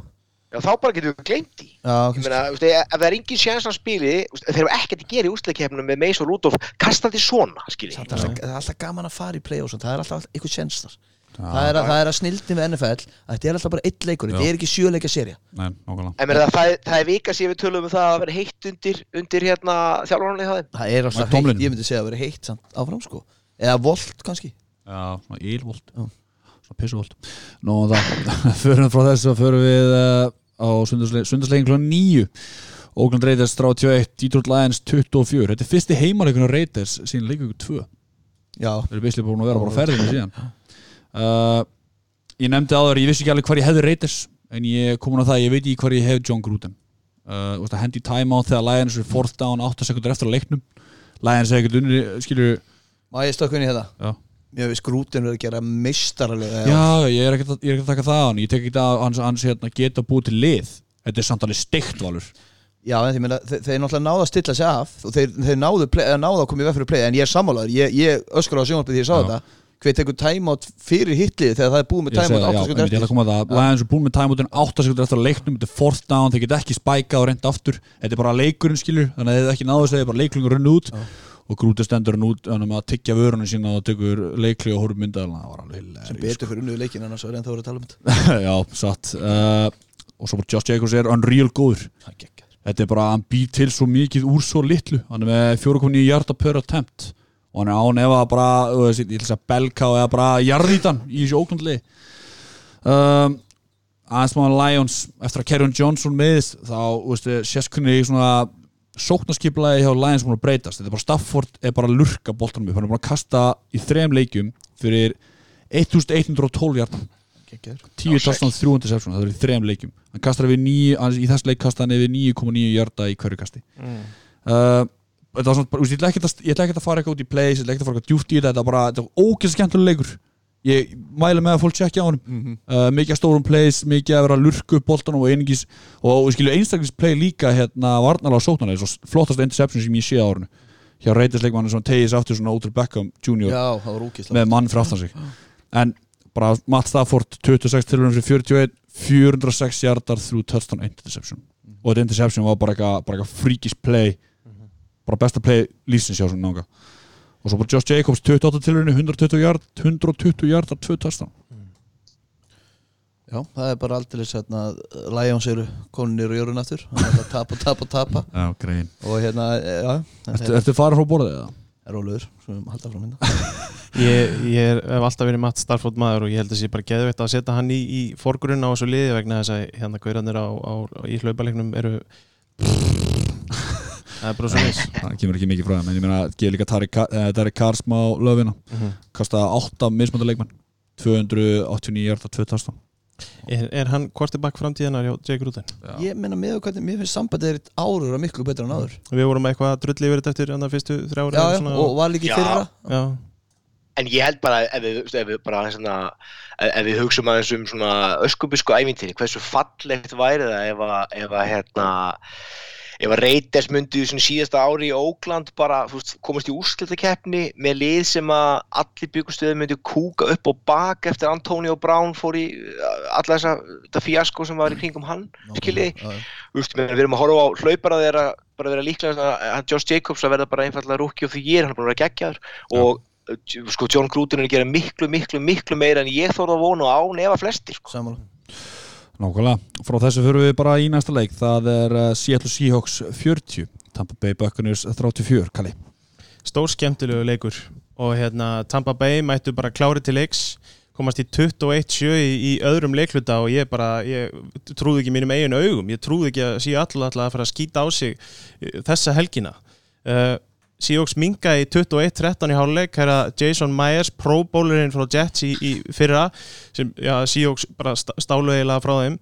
Og þetta er ferlegan dag og, og má eiginlega þakka fyrir að hafa ekki kosta á, á sigurinn í þessum leik. Setni hálfleikunum var frábær naglbítur sem að, sem að hérna í, í, í lok venjulegs leiktíma enda á, á öðru klúðru fílgóli frá Myers þar sem að tryggt þeim sigurinn. Í, í framlíkingu heldur svo liðinn og, og Wilson kláraði þetta eins og MVP-in sem hann er með sendingu fyrir snertimarki á okkar allra besta Jacob Hollister. Já, okkar maður. allir með hann í fantasi skilaði einhverjum 40 jördum og, og tveim touchdownum í hús sem er alveg merkilegt. Uh, Wilson, hann er frábær ég ætla bara að segja að núna ég sé eftir að hafa sagt að Rodgers væri Ég. MVP-in á þessu tíðanbili hann tók það og tróði og bó, bóla kafi í, í kokja á mér. Uh, 378 hjartar og, og 5 touchdowns. Hann er bara magnaður, hann er túlileikmaður vikunar hjá mér ég ætla að segja bara á tíumbilinu er hann komið með 2505 hjarta 22 touchdown og 1 interception. Ég hálf skammast mér fyrir að hafa svona hlaupið yfir hann í, í það uppgjörstættinum okkar með, ég, ég, glott á þér byggja þegar þú talaður um hann, ég veit það. En ég, ég, ég, ég tekið á mig. En, en eitt hérna, þú veist, með hann, minna, við erum að horfa á það, þú veist, við vorum stressaði fyrir tíumbilið, það væri ekki nægilega mikið úttæri með það og við vorum ekkit vongóður að Tyler Lockett vopn, hann er búin að líta vel út, Metcalf var geðveikur í þessum leik. Og svo voru þeir að sæna til sín Josh Gordon. Hvað er þetta lið að fara að gera þessum eftir er tíumbils? Spennandi. Ég var þetta mjög spenntur ef að halda með Seahawks. Já, ég líka. Hann bara, Tyler Lockett er, er bara væt, hann er að sína það, bara hann getur verið vætri sífur eitt, hann var gjössanlega frábær í þessum leik. Grípur, sérst, fær átján tilurinn í kastaðar á sig 13 greip fyrir 152 jördum hann er bara Þannig að gjössanlega eins, og sturglaður makkir nefna, þá eru þið með Lockett Metcalf Mhm. og fá Josh Gordon og hvað Drissett, hvað heitir hann Disley. hann er- mittur Hann er mittur, já. Ok, þeir eru með geggja vopnabúr og svo er Carson, hann er þetta elskar að fömbla það verður að viðkjast alveg, en þetta er áhugavert. Chris Carson mjög góður, hann er mjög heppin líki í þessu leik, hann sem hann fömblar sko einhverja, sjö metra frá hliðalínu og einhvern veginn rúla boltin út af. Hann er sko ljón heppin þar. Uh, við hefum náttúrulega bara ekki heldur gleyma því að þeir eru með hérna Jacob Hollister sko Nei, ég segi svo. Maður. Herru, Winston vinnu minn, hann átti góðan leik 335 hjartar og 2 touchdown en því miður, að þið voru nú að tala um glæsilegustu interceptionin eitt glæsilegasta fömbul tímabilsis þar sem hann er með smjörputtan á loftin er að fara að kasta boltanum fram völlin og hann bara svona rennur úr lóanum á honum. Uh, það er eiginlega, mátti tala um að leikurinn á mörguleiti tapist fyrir þá, þú veist, ef að þetta hefði ekki gerst þá hefði Seattle ríku með boltan upp alla völlin og kemst í, í fína stöðu þar. Það bara gæti ekki verið að, að James Winston kemist í gegnum heila leika á þess að skýta í ræpuna sína sko. Uh, Mike Evans, stóru vinnur Magnúsar, hann er að tróða á kafi Mattias Tim, ég ætla bara að koma því að þetta hann er rosalegur, hann er vætri síver einn á tíumbilinu í Fantasí fyrir þá sem hafa áhugjur af, af, af svoleiðis. Og, og Godvin vinnur okkar vætri síver þrýr, því líka eh, tvíegið sem þeir eru að spila þar. Annar þeir á alltaf bara risa leik Mike Evans sem er 108-10 hjarta 12 gripna bolta og 1 touchdown í svo leik. Hann er svakalegur. Gæ, Gæin er með sko tvo leiki í röð með yfir 180 hjarta Mm. og í síðustu tveimur, fjór, fimm leikjum er hann með sko þrjá leiki yfir 190 hjarta er Sælir Það er ótrúlega bara sorglegt að, að þeir sé að tapa leikjum á mistökum hjá kortibagnum. Af því að hann er að koma boltanum til þeirra, hann er bara að gera fáránlega mistök þess á milli sem er að kosta á leiki, dómararnir er að kosta á leiki, Brús er ég að sá bara því mér er ekki snilt. Nei, snilt. Það er ekki séns. Það er ekki séns Herru, það er ekkert við þetta að bæta uh, Höldum áfram, förum við til Denver Denver Broncos 24, Cleveland Browns eh, 19 Maggi Já, Jésús Kristur, við erum búin að tala mikið um Fatty Kitchens og skituna hann í Cleveland og kæru vini, við erum velkomin í jarðaför Freddy Kitchens, hann var að tapa fyrir Brandon Allen. Hann var að tapa fyrir Brandon Allen. Sko ákvörðun að taka Freddy Kitchens í þessu leik var algjörlega ömuleg hann til dæmis challenge of the spot of the field í fourth down með engan sko tjöppin á vellinum tapaði vítinu og ég trúi ekki að gæðin fá að hanga mikið lengur. Ef þeir gera það þá er eitthvað að. Því að ekki getur hann kent Todd Monkunum þetta því að Kitchen sjálfur er að kalla play.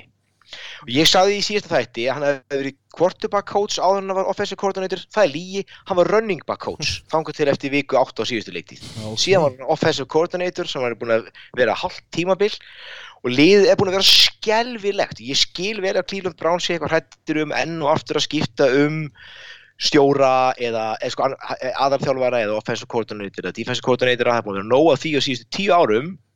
En hvernig þeim í hug að velja þannig mann til að þjálfa lið sem er að sko, að, að, sko húrra til sín Ég og þetta bara þetta ekki ég er 100% á því að Mike McCarthy tækir við liðun eftir tímilið John Dorsey, hérna GM-in hjá þeim, hann er pakkarsmaður og vinur hans? Já, vinnur hans. Ég er bara, ég, þú veist Það er eitthvað sem er Super Bowl og vann með Brett Favre og svo með Aaron Rodgers og á upphæðu upphæðu tímis Rodgers. Ég er 100% á því að Mike McCarthy tekja þessu. Ég sko heyrt ég, sko ég er ekki að djóka. Þeir tölum um það fyrirfram, fyrir tímabilið að hann var líklegast og hann, hann sagði það sjálfur að verið mjög spennt að vera að taka við liðinu ef ég mann rétt. Mm -hmm. ég veldi bara fyrir mér þurfa þeir eitthvað að býða út, út tímabilið? Mér ráku í fyrra hérna, uh, Hugh Jackson og skiptum og það bara var gjörbreyting á liðinu. Þeir hafa stjörnum til þess núna og uh, Baker Mayfield er búin að líta ömurlega út hann var fínt stats í þessu leik en gæði virðist að það var enga yfirsýn við völlin uh, Odell Beckham Jr. var algjörlega brjálaður og ég veit ekki hvort þið heyrðu það þarna þegar var verið að klippa uh, hljóðbúta eftir leikin þar sem hann segir hérna í eitt skipti sko, ég, hérna, það er ekki kastað á mig þess að ég geti bergað lífi mínu eða, Nei. ég get ekki gripið bóta þess að berga lífi mínu því það var ekkert kastað á hann Nei. hann vildi miklu meira targets uh, og þegar hann loksins kastað á hann þá var hann að grípa bara nokkuð vígalega uh, sko Mayfield hefði til dæmis getað kastað á hann og unni leikin í fjóðarleikluta uh, en hann ákvaði að setja frekar á landri í mjög þröngri stöð og ég veit bara, ég veit ég búin að tala svolítið allt og lengi um hennar leik en Landry fekk 13 targets í þessu leik Odell Beckham fær 6 Stjórnu galið. Það segir bara að, að, að hann sér ekki völlin, Mayfield, akkurat núna. Talandi um að Klálega. s- sjá drauga. Má ég koma einum punkt í þetta? Ég ákvaða að fletta upp um þessum unga og efnilega leikmanni Brandon Allen. 27 ára Já. Hann er 27 ára. Hann er fættur 92. Ég gerir nákvæmlega saman, ég vildi tjekka hver þetta væri Ég vildi fá að vita hvaða ungi maður þetta var sem var að fara að stíga í, í, fram í skipið þarna. Nei, nei, nei, nei. 27 ára En fyrir, fyrir ekki, vörnni var ekki, ekki neitt betri, þið tækluðu eins og algjör og tussur hérna og síndi sig ekki mest þegar Noah Fant sett í 75 hjarta touchdown beint í þeim og þeir hefðu getað tæklað svona þrísa sinni bara í því play. Ég sá það Uh, og ég ætla ekki að taka samt af Broncos, Sutton, geggjaður, átti eitt flottasta greip sem ég sé lengi þann greip, boltan yfir haustnum og Denzel Ward og Noah Fant var mjög flottur. Uh, en Brandon Allen gerði ekkert eitt rosalega mikið til þess að heita nokkuð mann settir þetta tvö touchdown en var að ströggla með að halda lífi í sóknarleiknum.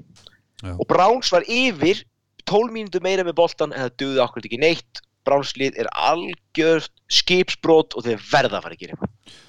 Já, sammála því. Uh, Við erum alltaf búin að býja þar að Browns gera eitthvað en þeir eru verið að hlusta á okkur því miður, betur hlusta á okkur svo Gerið eitthvað? frá þessu, þá bara förum við uh, til Los Angeles hitlið Los Angeles, Los Angeles Chargers 26, Green Bay Packers 11 uh, MVP Aaron Rodgers hálfur. Rólur Rólur Hérna, já, já ég, ég veit MVP, við skulum nú róða okkur Þetta er eitt leikur, við skulum nú geta útiloka neitt En þessi leikur var hræðilegur fyrir þá sem halda með Packers Og hérna Svona við tökum hans leikinn sem að fór vissilega 26-11 fyrir Chargers en þau, þau úslið gefa bara ekki til kynna hvað þetta var lopsætið. Þetta var aldrei 15 stega leikur. Þetta var svona 30 stega leikur frekar en hitt sko. Að mínum að þið, þannig að ég takja hans Chargers, þá er þetta statement leikur hjá Chargers. Já. Þeir eru, þetta er svona definition of trap game, ef þið skilir hvað ég menna. Eru sem er lið sem eru að underperforma, Já. er að fá allan sína leikmenn tilbaka á móti liðið sem er búið að overperforma að ykkur leiti og þeir bara rústuðu Packers. Mhm. Packers átti aldrei break í fyrsta skipt á tímabilinu átti Packers ekki break bæði Joey Bosa og Melvin Ingram sem eru báði konið tilbaka full time vona ég, ég ætla að vona þetta voru full time þeir eru rulluðu upp tveimur af bestu tackles í deildinni, Brian Baluga og David Bakhtiari þeir átti ekki break uh, Packers komst aldrei í rithma og þess vegna eru Bosa og Ingram saman túluleikmi mínir í, í hérna, þessari umferð. Þó voru bara þrjú sök, samt, bara þrjú sök og hérna, þá voru þeir bara pressu á þá og Matli Fleur, þjálfur Pakkes, sagði þess til leik hann sagði bara, við áttum aldrei break, við komumst aldrei í gameplanið okkar, af því að þú kemst ekki í gameplanið og komum með gæja fyrir fram með eftir tvær sekundur á hverju einsta play en, en það bara, þarna Chargers lítu ógislega vel út, Rivers leit flott út undir nýjum sóknum þeirra, það er uh, Ken Visenhunter í eitthvað Shane Stækkein hérna, eða hvað hann heitir hérna og hérna Gordon frábæranleik 120 hjart og 2 touchdown. Og það er mikið áhugjefni fyrir Pakkes að hvaða hlauparar eru alltaf góður á móti vördinni Já. og vördinni á Pakkes hún lítur illa út. Þeir hlaup upp, upp eða þeir hérna kastaði að hlaup upp allan völlin svo eru góður á reddsonu en það er að eina. Þannig að sem Pakkes maður þá var þetta erfiður leikur á horfa ég skal viðkynna það en það er ekkert paniktími. Þetta er eitt leikur næsti leikur ræður hvort að maður hafa áhugjör á tímpulinu eða ekki. Kalli, hvað er þitt teika á það sem hinn Pakkes maðurinn þinni? Ég hef enga sérstakra að gera þessu. Við vonum að tala um hérna Wilson sem MVP þeir tapa stórt á móti Baltimore þar sem hann getur ekki, ekki neitt og kastar eina interception í sér tímbilin svona leikir bara gerast. Og ég menna, þú veist, ég hef einu áhyggjuna sem ég hef raunverulega er af þessari vörn. Mm mér finnst hún í besta falli miðlungs. Mér finnst hún oft líta alveg ömulega út. Það er, við erum, við erum að fá okkur stór play. Þú veist, við erum rosalega eh, svona, hvað sé ég, vulnerable fyrir því að fá Það á okkur rétt. stór play. Það er stór hættulegt, við getum ekki stoppa hérna hlaupaleik, við erum bara svona lið eins og ég var að segja með BR sáðan, við erum bara svona lið sem að menn eiga að mæta ef að þið þurfa að laga eitthvað til í hlaupaleiknum hjá sér, Ba- ég hef ágjörði því að Melvin Gordon sem ég er búin að vera drull yfir hérna í allt tímabili, hefur bara hlaupið yfir okkur. Maggi? Já, hérna, við, við tölum um það í síðan þætti, við tölum um að, talaðum um áður að Chargers hefur verið hérna, okkur mikil vombrið en í þessu leik bara undir þessu ný, nýja manni Shane Steichen sem er búin að vera hjá þeim í fimm ár, þetta er fyriröndi quarterbackscoaching hjá þeim. Og erum að horfa kannski að það að hann er að fara að koma lífi í Philip Rivers og sóknuleikin eins og okkar, okkar maður í, í Brownskerði fyrra. Uh, en veist, meina, Melvin Gordon sem við erum búin að vera að hrauna yfir hérna í vetur og skildum ekkert í það á að fara að treysta eitthvað hann hann var ógeðslega góð í þessu leik og ekriða líka, hann er vonandi burt sér frá hvernig, hversu leðilegt var þetta að horfa hann leikið sem pakkasmaður, og vonandi er að fara að sjá Chargers stíga upp því þetta er svo skemmtilegt lið.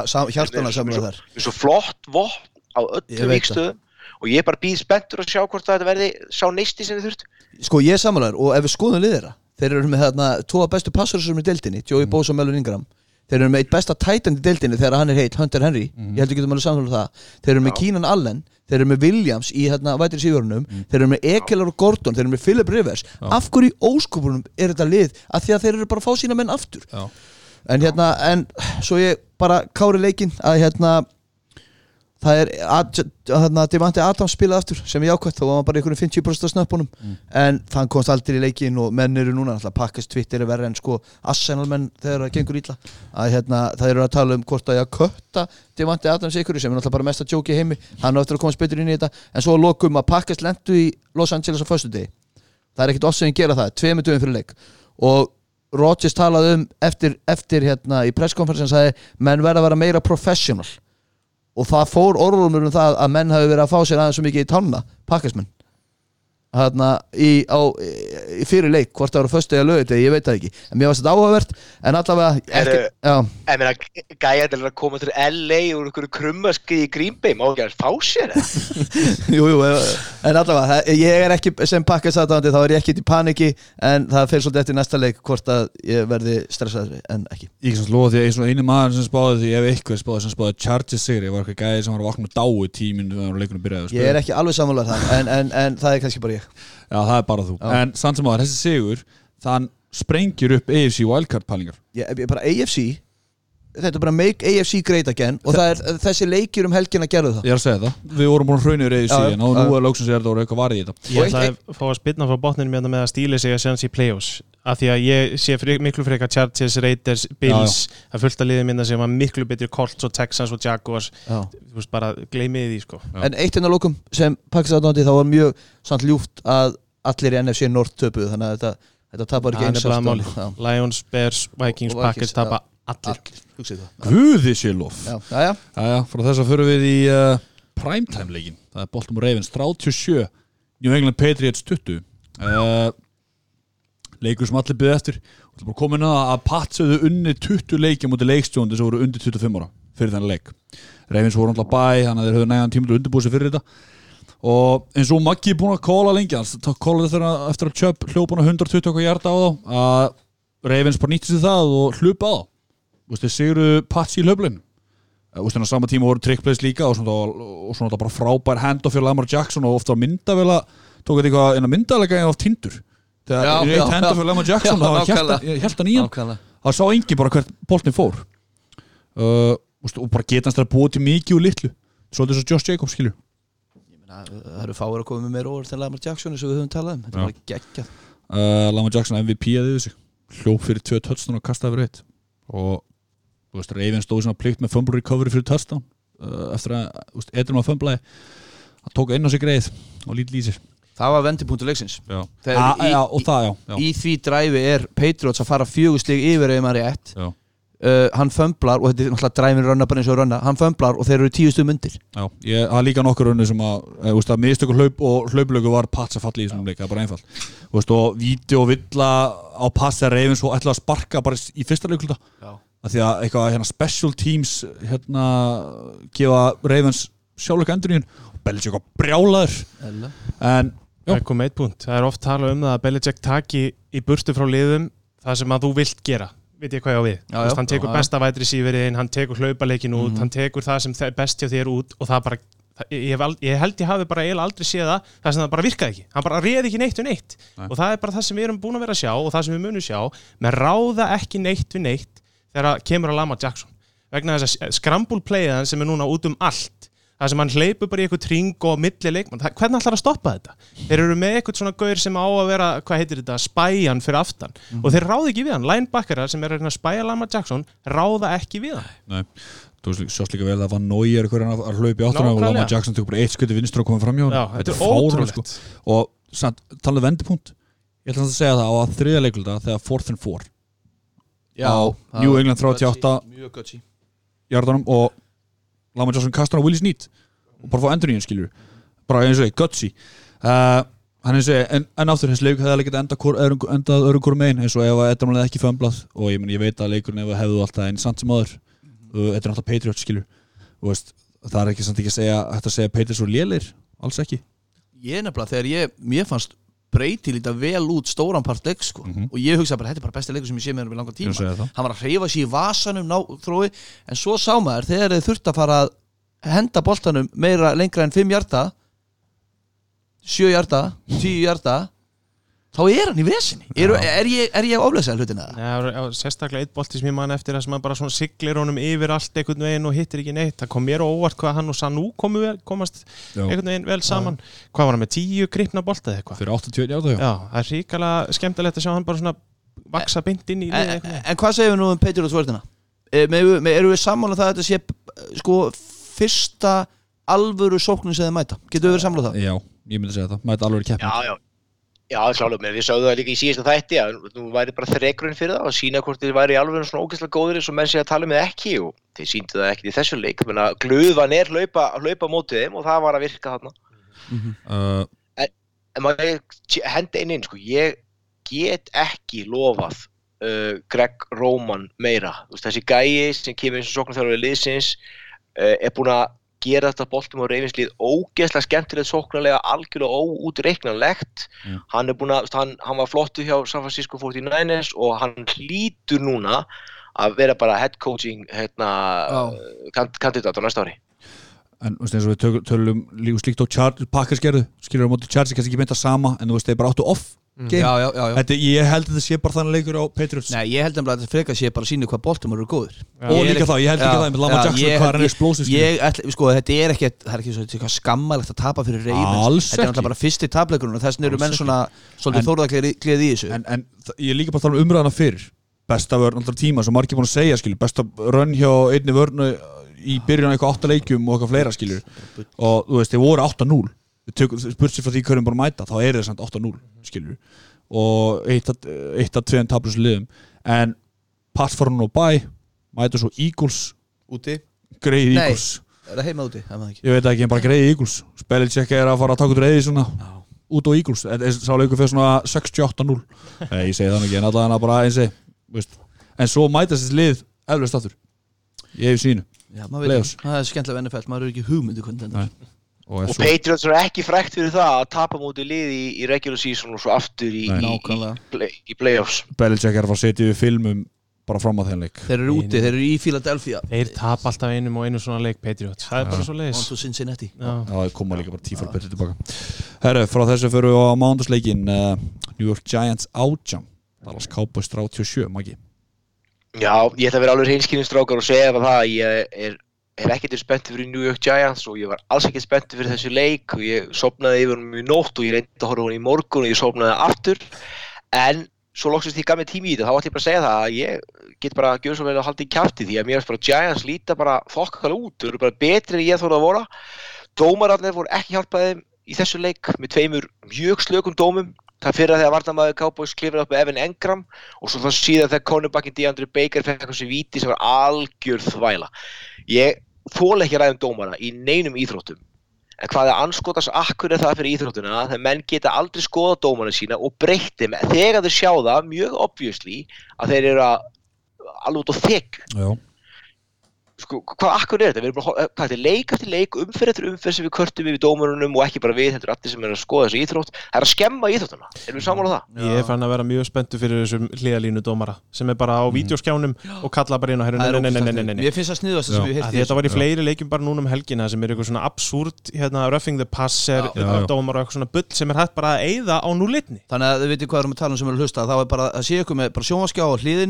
er á og er í eirunum á dómurunum og hann sér endursýningu þannig að þeir geta tekið upp hérna, flaggið í raun og veru án þess að þurfa að challenge það. Mhm. þannig að bara, heyrðu, þetta er ekki röfnið passer áframgak og þá bara, heyrðu, there is no Já. foul on the play. Áður en þeir kalla play. Já, og sérstaklega á þessu stóru dóma sem Já. er að kosta bara hérna, þú veist eins og pass interference og, og, og þessi personal foul sem eru 15 og, og, og oft bara Já, já. 70 Já, hjarta af play sko.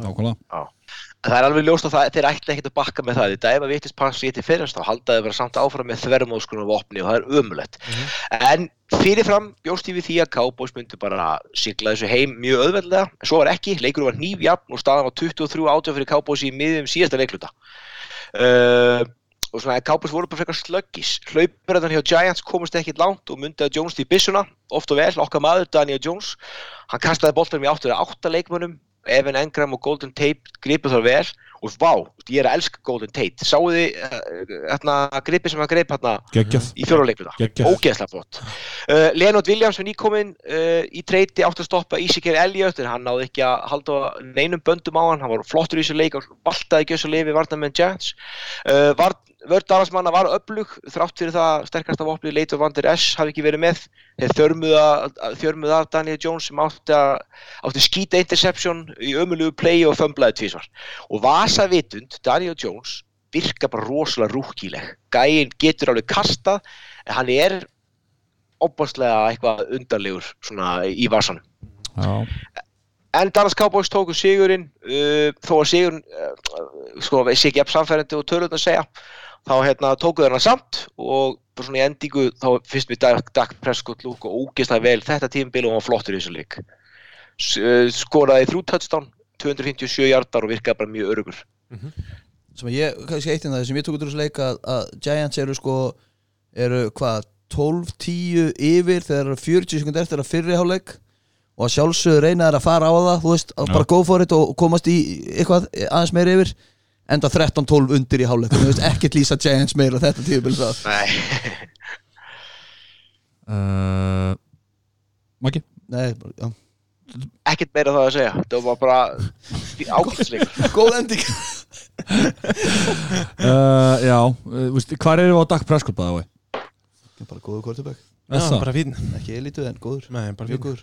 Góður móti, móti Lillulegum Hann verður ó- Já, já, hann er hann verður ógislega dýr Ekki? Jú, hann verður, hann verður, hann verður ógeðslega dýr. Hann, til dæmis, ég myndi freka borga honum heldur en Goff til dæmis. Já. Eh, eitthvað Já, já, já, algjörlega Maggi, gott úr stúdum með Dak Prescott Já, veist, mér, eins og segi, mér fannst það bara, eins og ég sagði á, mér fannst það bara örugur á köplum, skilur sem hann sýnir ekkit alltaf, en í þessu leik var hann það og hérna, ég held að þetta sé alveg nægilega góð kortubak til þess að vera í, í America's team, sko. Merck's team. Já, það sé alveg gott sko, því ég er búin að láta hann heyra að mist hann ekki einn af þeim bestu, hann er bara að rúlla hann þar í, í kringum, hvaða tíu, ekki? Nákvæmlega. Herru, þá erum við búin að gera upp uh, við leikvíku nýju uh, Já. Jú, förum Nei, veistu, ég ætla að spyrja. Uh, Sokar, top 5 quarterbacks í deildinu núna. Og ég byrja Bara þér á þið Aaron Rodgers. Ok. Veist, ekki þetta röð. Er ekki, þetta er engin röð sko. Aaron Rodgers Deshaun Watson Mm. Russell Wilson Holmes, Patrick Mahomes. Já, uh, hver er mér að gleyma sko Drew Brees er hann einhver staðar en svo erum við með annan sem ég er að gleyma. Hver er mér að gleyma?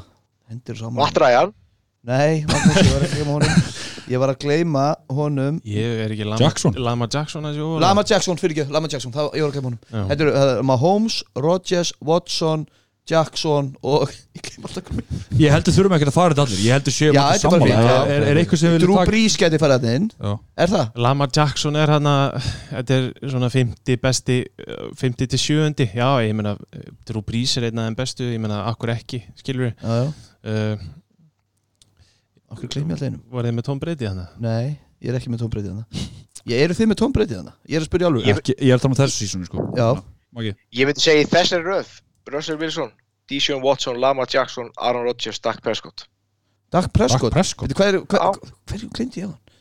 Dak Prescott Já, ég, ég sé það ekki ekki að alveg reynslin Ég, við sögum að Holmes Mahomes Þú veist, ég með Ég með, já, ég veit ekki, menn þetta, veist, Finnst þið Mahomes ekki að vera top 5? Sko, jú, jú, auðvitað mátt, auðvitað er hann það, ég tekið það tilbaka, hann er ekki búin að spila náttúrulega út hann er geggjaður. Já. En, en þú, hérna, ég er bara, er búin að vera ógeðslega skoti núna í Dak Prescott í síðustu umferðum og ég er að horfa svolítið á hann, ég ætla að reyna að hífa hann uppi, það er náttúrulega bara algjör þvæla hjá mér, sjálfsögðu Mahomes svona 17 sinni betri. Já. Ég myndi segja að þetta væri svona Já, þegar mér veist Brís næstur inn Prescott er ekkert langt frá. Ég, ég held sann sko, ég veist okkur ég held að Maggi að En Stafford til dæmis. Ég sé Stafford over en Prescott. Ég held að sé að það er ferskur í minnunni í Þetta var Æ, þetta veist það, ég, ég, ég ætla að reynski, ég þól ekki svona umræðu um eitthvað bestu, Ég er sammála þér, ég er bestu sammála þér. bakka á okkur tímabili, þú veist, þetta er bara vika fyrir viku og getur átt mismunandi og þetta eru nokkur hérna elít kortubakka, ég er til, til að taka þá umræðu, Mm. en topp 5 ég veit ekki. var samt Aron Fuego sem kom með þessu umræða Þetta er skemmtilega spurning sko. Top 5 Þá fimm. Já, þá er ég til að ræða þetta, þú veist það gott Leiknið stráka maður. Já, þannig að við erum sammálega bara Watson, Lama Jackson, Rodgers, Wilson og uh, Mahomes. Mahomes, Skásik Stafford Nei, ma ma já, ekki sem Mahomes er ekkert skáttur En ok, Æja, Nei, nei, nei, nei. Þetta var bara til að henda smá eh, mix inn í þetta hjá okkur. Uh, Þá fyrir við að spá aðeins fyrir leikvíku 10 uh, Byrjum á því að uh, taka bye week Það er Eagles, Pats, Redskins, Broncos, Jags og Texans Það eru margir. Bævíkur. Það eru það bara tvær bævíkur eftir, eftir þessa held ég. Tvær bækur, já, já tvær bye week já. Tvær bævíkur, já. Já, já, ég eru bækur. Já, skemmtilegt. Þú kannt alveg ekki að lesa eða? Nei, Nei, Þá bara fyrst að finnast leikurinn þetta er, þetta er mjög góður AFC West leikur. Þetta er bara wildcard leikur uh, Oakland Raiders 4-4 fá í heimsókn uh, Los Angeles Chargers 4-5 Ég segi Chargers. Valur segir Chargers Maggi segir Chargers Matti segir Raiders og Kalli hvað segir þú? Kallir er að bí, láta okkur býða hérna. Mér, ég getið sagt mér af hverju, af hverju hérna Raiders vinna ekki Chargers Ég að skal segja það. Já, Maggi? Ég skal segja það, uh, sko í fyrsta lagi, ég, fyrir viku síðan hefði ég verið ekkert spenntur fyrir þessu leik, en eftir að horta á bæði þessi lið spila á þessa helgi þá er ég mjög spenntur fyrir því. Ég held bara, þetta gerist þetta típiska eins og gerist með Browns fyrir fyrra, það er komið nýr uh, stjórnandi í sókninni sem náða að kóða Melvin Gordon í gang með öll þessi vopn, þá held ég að Chargers takja þetta samfærandi. Ok, já. Ég, ég, ég er akkurat á því líka þegar þeir eru komin, eins og séu komin í gang Þetta er minn túluleiku vikuna bæða ég ætla að hafa það á hreinu. Já, ok, það er er nú góð leikur. Þetta er góðu leikur, þetta það er eru gó- margi góðu leikir. Ég er að segja, ég ætla ég ætla að taka þennan, þetta er svona að fyndu þetta er svona prime time, eða svona fyndasleikur og, og ég, ég, ég get alveg séð þeim ekki, ég, ég fatt að pálinguna Kallar það að fylla út eða?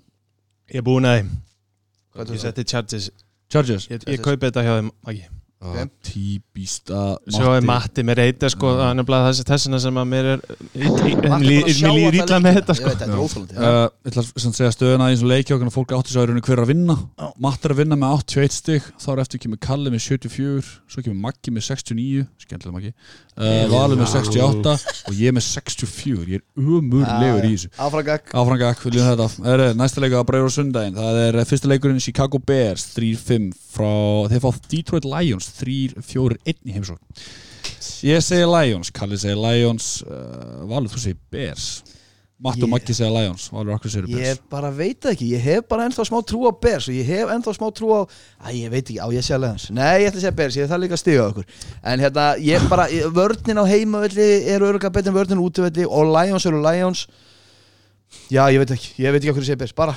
Mér finnst þetta veginn eins og ég sem bara fór að sjá Chase Daniel í þessum leik Sama þótt Matt Það verður betra fyrir Það er betra fyrir Bears Já. sko Lions eru underdogs í þessum leik Mhm. Er Eru- það? Já, Já. það er 2,19 í stöðul og þá 1,72 á kúlbett á, á Bears og ég er alveg sammálaðir ef að Chase Daniel spilar Já. á heimaðalli og það, þú veist það geti verið svona bara andleysi yfir þeim núna Þeir eru það með Khalil Makki vörnin og svona það geti rífið og alla í, í gang sko Nákvæmlega langar ekki raskat að segja Lions.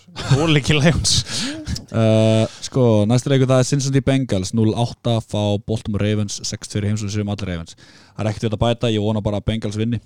Þeir eru först pökið mm. Meina, eh, veist, já, við þurfum ekkert að, það þarf ekkert að nefna, þetta er bara, veist, Bengals eru unrelevant, þeir eru ekki, þeir eru núna, þeir núna, uh, Jú, en þú veist við sjáum hann nýja rúkinn spila núna, Ryan, ég veit Já, hvað hann heitir. QB-in, hann er jú Flynn en það, nei, hann er það Finlay Finlay, Finlay. Já, við fáum, já, það er rétt, nýja QB og mögulega AJ Green. Já, eru þið til í uh, það þarf að breyta þá í, í Bengals. Eru þið til í Ravens mínus 10 Já. Ég er nefnilega svolítið hlakka til að sjá hvernig reyfins tækla hann leik. Eru þeir að fara að rústa þeim eins og all, öll alvöru lið myndi gera þú veist, Patriots tek- taka 50 stig að sigra hérna ofta á stíðinbölum Ég er svolítið spenntur að Já, sjá en alltaf Ravens í Mattin síðast og unnum bara með sjústum, sko. Já, já. Það er enda garbage time, törstun og andið alltaf hans þar. það verður engin, engin ekkert svo leiðis næstu helgi Næsta leikur Cleveland Browns 2-6 fá Buffalo Bills 6-2 í heimsók. Við segjum allir Bills nema Maggi, Maggi segir Browns. Hver er pælingið það, Maggi? Hún er einfallega svo að ég þarf stig og því sögðu þetta bils uh, ég, ég er þetta geggjað, ég er búin að vera með Kalla á sem bils læst lengi en ég, þú veist þetta er svona típisku leikur sem að Bráns geta allt í henni dottið í gýrin og eitthvað gerst. Ítla vegið að lestinni og mig. þú ert, þú ert aðstofalesta stjóri byggi minni besta er, er þetta ekki ágætt steikur til að vera lone wolf? Þú veist, gæti alveg jú, jú. Jú, ég Ég veit, þú veist, er, er- er ekki típist bara skrifað í skíin að Odell Beckham er að taka út 170 hérna, hjarta leik og þrjú touchdown og fær ykkur 15 target skilur Það verður alltaf í skónu sínum allan leikin en það einasta leika Ég sagði áðan hérna áðan við byrjum að taka upp af hverju óskupunum mætti Browns að vinna Bills sko, huge underdogs Bills í þessum leik Já, það já er stöðlinn 2.30 á Bills 1.65 á Browns. Ha? þannig að ef þið eru svona ógeðslega vissir á Bills þá hérna, takið síðustu dollarana ykkar og, og, og þrjumið þeim á, á hérna, Buffalo Bills. Ég tapaði Ali og nokkurn handbóttaleik á fangak Colt sýrstu alltaf mér, þannig að við erum saman annað. Líklega að fá með Josh Allen tattoo á ennið þegar það byrjast tapa þessu. Nora Gretz. Uh, Tekið þetta tilbaka. Uh, Fá næsta leikur New Orleans Saints 7-1 Fá, fá akkurat lið sem er akkurat öfugar tölur. Það er Atlanta Falcons 1-7 Það er bara Saints og lína Maki Já, já, ógeðslega fyndi að sjá það. Atlanta Falcons var að, að að stoppa í göti með því að reynsa, eða, laga til í þjálfarateiminu. Og þetta var svona einhver svona eins og hrókering á, á tablborðinu bara þú veist running back coach sem var wide receivers coach og svo var hann komin í varna coach og þetta skiptu bara eitthvað svona gáði nýtt hlutverk. Já. algjör bíó og þeir eru eftir að skítapa þessu leik eins og flestu öllu öðru á helvítist tífumbili anskotin hafa Milli stjórnenda Jatsi já, nákvæmlega. Nú er Falkos að koma bæ Þetta er NFC South leikur. Ok Er ég, er ég vittlust að tala um í að það gæti eitthvað gerst? Já, ég meina, voruð þið ekki að tróða er ekkert í, í, í, í súpubóla Jú, jú, ég, ég held að er minn besta liðið dildin, ekki miskjölu mig En, en ekki með söndist okay. Ég, ég, ég, ég ég, er mega til í að þetta þú er- hendur á Falcon sko. Nei, ég ætla ekki Ég ætla að koma að Saints og líka koma að bæ sko Eru bæði að koma að bæja Já. Já, það er að vera ríð í Saints. Þannig að ég, ég, ég, ég, ég, ég hef enga, ég hef engar ágjör að sjá um Peyton núna. Það er ekki getur En það er engin okkar hefur það. Heru, Næsta leiku það er uh, Wow, það er leilu leikum. New York Jets 1-7 fá, uh, Þeir fá ekki heimsótt, þeir eru bara sa- báður á heimaðalli uh, New York Giants 2-7 Þetta er bara MetLife Stadium leikur Við séum allir Giants. Mhm. Það er ekki oft sem þetta ef þetta er fjóru á fresti bara Þetta er áhvert að því litum til Já. kannski. Svo sem Já, en samt ekki Já. Uh, Þú veist, er þetta ekki síst leikur náttúrulega að gesa? Ég vona það Ég vona að hann hverfi frá borði En ég efast um það einhvern veginn Ég meina, ég fyrst Talandi um Mike McCarthy hann gæti, Jets gætu alveg hýrt hann ef, að- ef að annar liði losar á miður tímubili þá gætu þér alveg stólið Mike Já, McCarthy þegar Ég held að Mike McCarthy farið mitt í liði sem að á breyk og Mhm. Jets á alveg breyk Já, sko. já, En Mike McCarthy er náttúrulega hægt að þjálfa fyrir fimm árum bara hún er ekki- búin að segja hún það bara. Leifjón Bell náttúrulega að mittist eitthvað hans og fæti hana á mútið Miami og fór í MRI og eitthvað þannig að kemur ljós hvort hann spili. Mm. uh, ekki að það skipti eitthvað máli Adam Gase notar hann ekki. Það er og það er. Uh, næsta leikur Tampa Bay Buccaneers uh, 2-6 fá Arizona Cardinals 3-5-1 í heimsókn. Ég segi Bucks. Kalli segi ekki neitt. Valur segi Bucks Matti segi Bucks. Maggi segi Cardinals. Hvað hérna ok, ég ætla að gefa það smá tíma ákvæði Kalli minn Maggi uh, Cardinals Æ, ég er bara búin að vera eins og ég var ekkert spenntið fyrir Kyler Murray í upphafið þá er ég alltaf að verða meira og meira spenntið fyrir þeim og ég held alltaf að geta verið svona típisku leikur sem að hann bara eh, setur þóturheflunar af stað og hlaupi þetta eins og vindurinn og, og, og vinni leikin. Ég ætla líka að stiga okkur strákar, þetta snýst alltaf um það að vera með herrkjænsku. Nei, mér finnst bara, ég er hlakka til að sjá hvernig hérna James Winston og Bruce Arians verða heima og móti ekki sérstaklega vörð þannig séð hjá Cardinals og bæði við Patrick Peterson um helgina hjá Cardinals var hræðilur mm. glinda að nefna það á hann, en, Mhm. eða á 15 aftur líka þetta er fyrsti heimaleikurinn í einhverjar sex umfyrir hjá Já. Bucks líka já, já. Mm. ég er bara eins og segi, ég, veist, en þetta, þetta er við vorum eitthvað að mæra þessa umferð á hann það er nú eiginlega bara primetime leikinni sem eru svona alvöru og Já. kannski einn eða tveir viðbútt setni, setni glukkin og setni sunnudaginn glukkin er góður sjá. Eh, Ég ætla að taka Bucks. Vegna þess að Maggi seldi mér það vegna þess að Kyler Murray ef hann að reyna að hlaupa á móti hlaupaverðinni hjá Bucks þá ég hef sagt þetta áður verður hann að rauðlöksultu vegna þess að hann er pínu lítill og þeir munu drepa hann. Af því að hlaupaverðin hjá Tampa Bay er einn ein besta hlaupaverðin í deildinni og ég þá eins og Kenyan Drake ef hann á að fara að spila þarna nákvæmlega með einu hálfa viku og eitthvað svo liðis þá bara held ég að Bucks sko, eina ástæðan fyrir mig langar ekki að segja Bucks er James Winston. Já, Ég trúi því ekki að hann, hann klúrir sig ekki bara, hann klúrar alltaf öllu. Maggi. Já, svo, þú veit, David Johnson er að koma tilbaka að með meðslum og svo eru þeir áfram með Kenyon Drake, þannig að ég er að vona að þeir ná að brjóta eitthvað upp þessa flottu hlaupavörð þarna. og eitt, eitt hérna við hefum kannski eða miklu tími í þessum leik en, en, en eru þeir að græða það að David Johnson sé að koma tilbaka? Nei, náttúrulega síðast þegar David Johnson kom tilbaka þá eðalega hann fantasi helgar fyrir öllum þannig að Já, veist, ég efast um að, að að hann fara, ég meina hvað hann að gera í þessum leik meittur, hálf meittur á móti ógislega erfiri hann, ég vona bara að hann fari annar lið og Drake bara takki við þannig að bæðir græði einhvern veginn eða báður aðeins græði en ok, Ég ætla að fá að henda á sjáta þetta félag minn sem er búin að kóla þetta með Kenan Drake lengi alveg frá því svona tvö ár. Þó ég er sem Miami Dolphins maður, ég vildi fá að sjá meira á hann fyrir að Pétur Ökvals félag minn. Hann hérna sagði lengi vel að Kenan Drake var miklu betri en hann átti skilja Miami. Ég meina hann álíka eitt alveg ríkala gott tímambili á Miami sem að já. og var svo bara í lélugu liði þannig að það er bara alveg rétt uh, Já, það ég ætla að koma ykkur punkti ég er alveg búin að stengli sko. það var ekki mikilvægur uh, Næstu leiku að Tennessee Titans 4-5 fá uh, Kansas City Chiefs 6-3 í heimsókn. við sem Chiefs og lína uh, mjög líklega comeback leikur hjá uh, Mahomes, hann er bara að jogga og, líður bara nokkuð vel Þetta er ekkit, þetta er bara Titans að vera Titans eða ekki? Þetta er ekkit að gott lið. Ryan Tannehill síndi í rauninni hvernig hann er í síðustu leik. Bara Chiefs að vera Chiefs, skilur Svo er það líka það líka lið á ákveðin ekkert sérstökuliði Já, Ok. ég hefði sammálað því og það kom fram fyrir síðasta leik einhvern veginn að að það voru 40% meiri líkur á því að hann myndi hérna, allt neða honum fari í hakk aftur ef hann myndi spila síðasta leik. Þannig að ég er ekkit viss um að hann spili en það væri virkilega skemmtilegt ef hann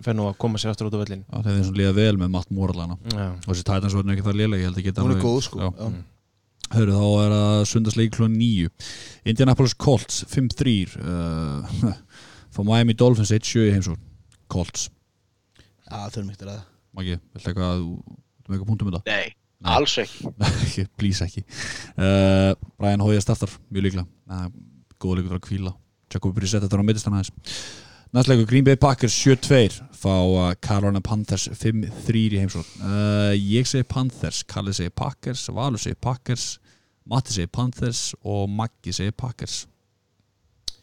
Þetta verður, þetta er leikurinn. Ef, ef að við, pakkasmenn, við, by the way við, pakkasmenn ef að við töpum þessum leik að þá skal ég fara að vera smá stressaði fyrir tímbuna því þá hefur við LR Rams næst svo neyndar Giants og, og Redskins að því að ég hef smá trú á hérna, aftur okkur þá, þá svona fem maður svona, ok, heyrðu, það er eitthvað þetta er ekki eins gott lið á menn töluðum en ef við vinnum leikinn þá er bara áfram gakk og, og þetta er bara fínt. Playoffs, kannski sigur í playoffs.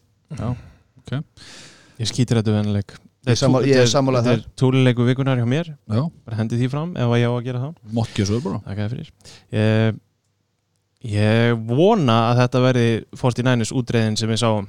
Packers mæti bara almennilega til leiks á heimaðalli og klári Carolina Panthers en, en ég get ég, ég fæ mig ekki til þess að velja Panthers ekki sjens í þessum leik sko. Nei, en við erum ekki með hlaupörnir sem að að næni sem með á móti McCaffrey sko. McCaffrey geti gjössanlega kaffsilt okkur bara. Já, En ég bara hef trú á að við eigum og ég, ég, ég hef bara, veist, við eigum ekki tvo svona lélega leiki röð, anskotin hafið það. Og ég að vona að menn haldi sér þokkalega etru fyrir þennan leik. Nei, Uh, frá þessu förum við á næsta leik það er Pittsburgh Steelers 4-4 fá Los Angeles Rams 5-3 í heimsókn. Við segjum allir Rams sem að Matti segi Steelers.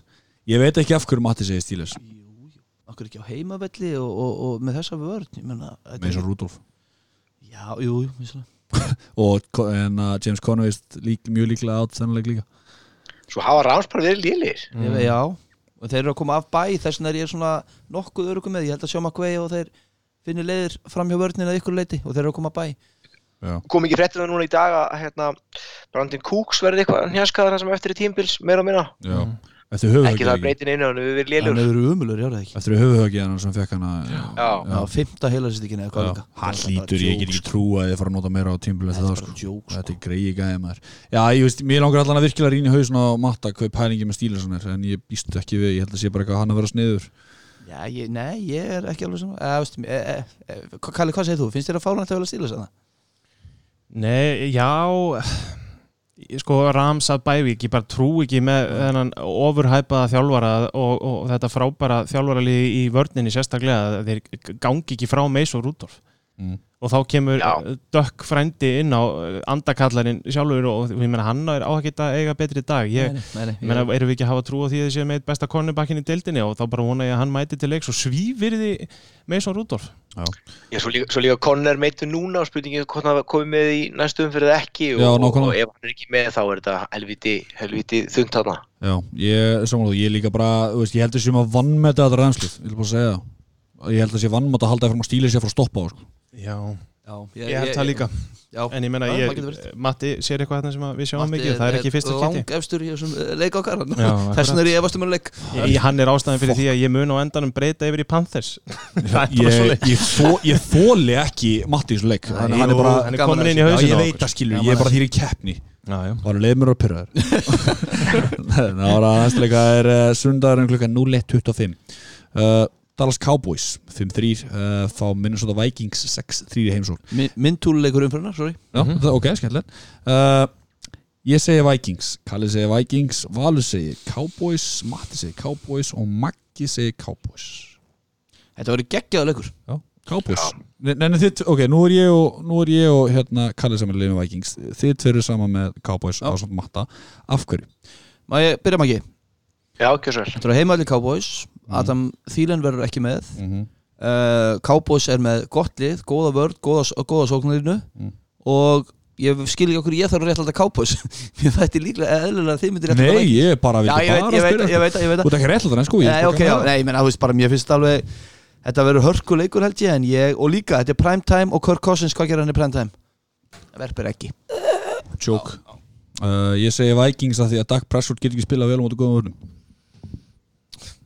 Ég segi Vikings einfallega út af því að mér finnst ég búin að sjá Dallas Cowboys spila leikja móti lélugum liðum og vinna þá en vinna þá rétt svo, mm. veit ég hvað ég á við?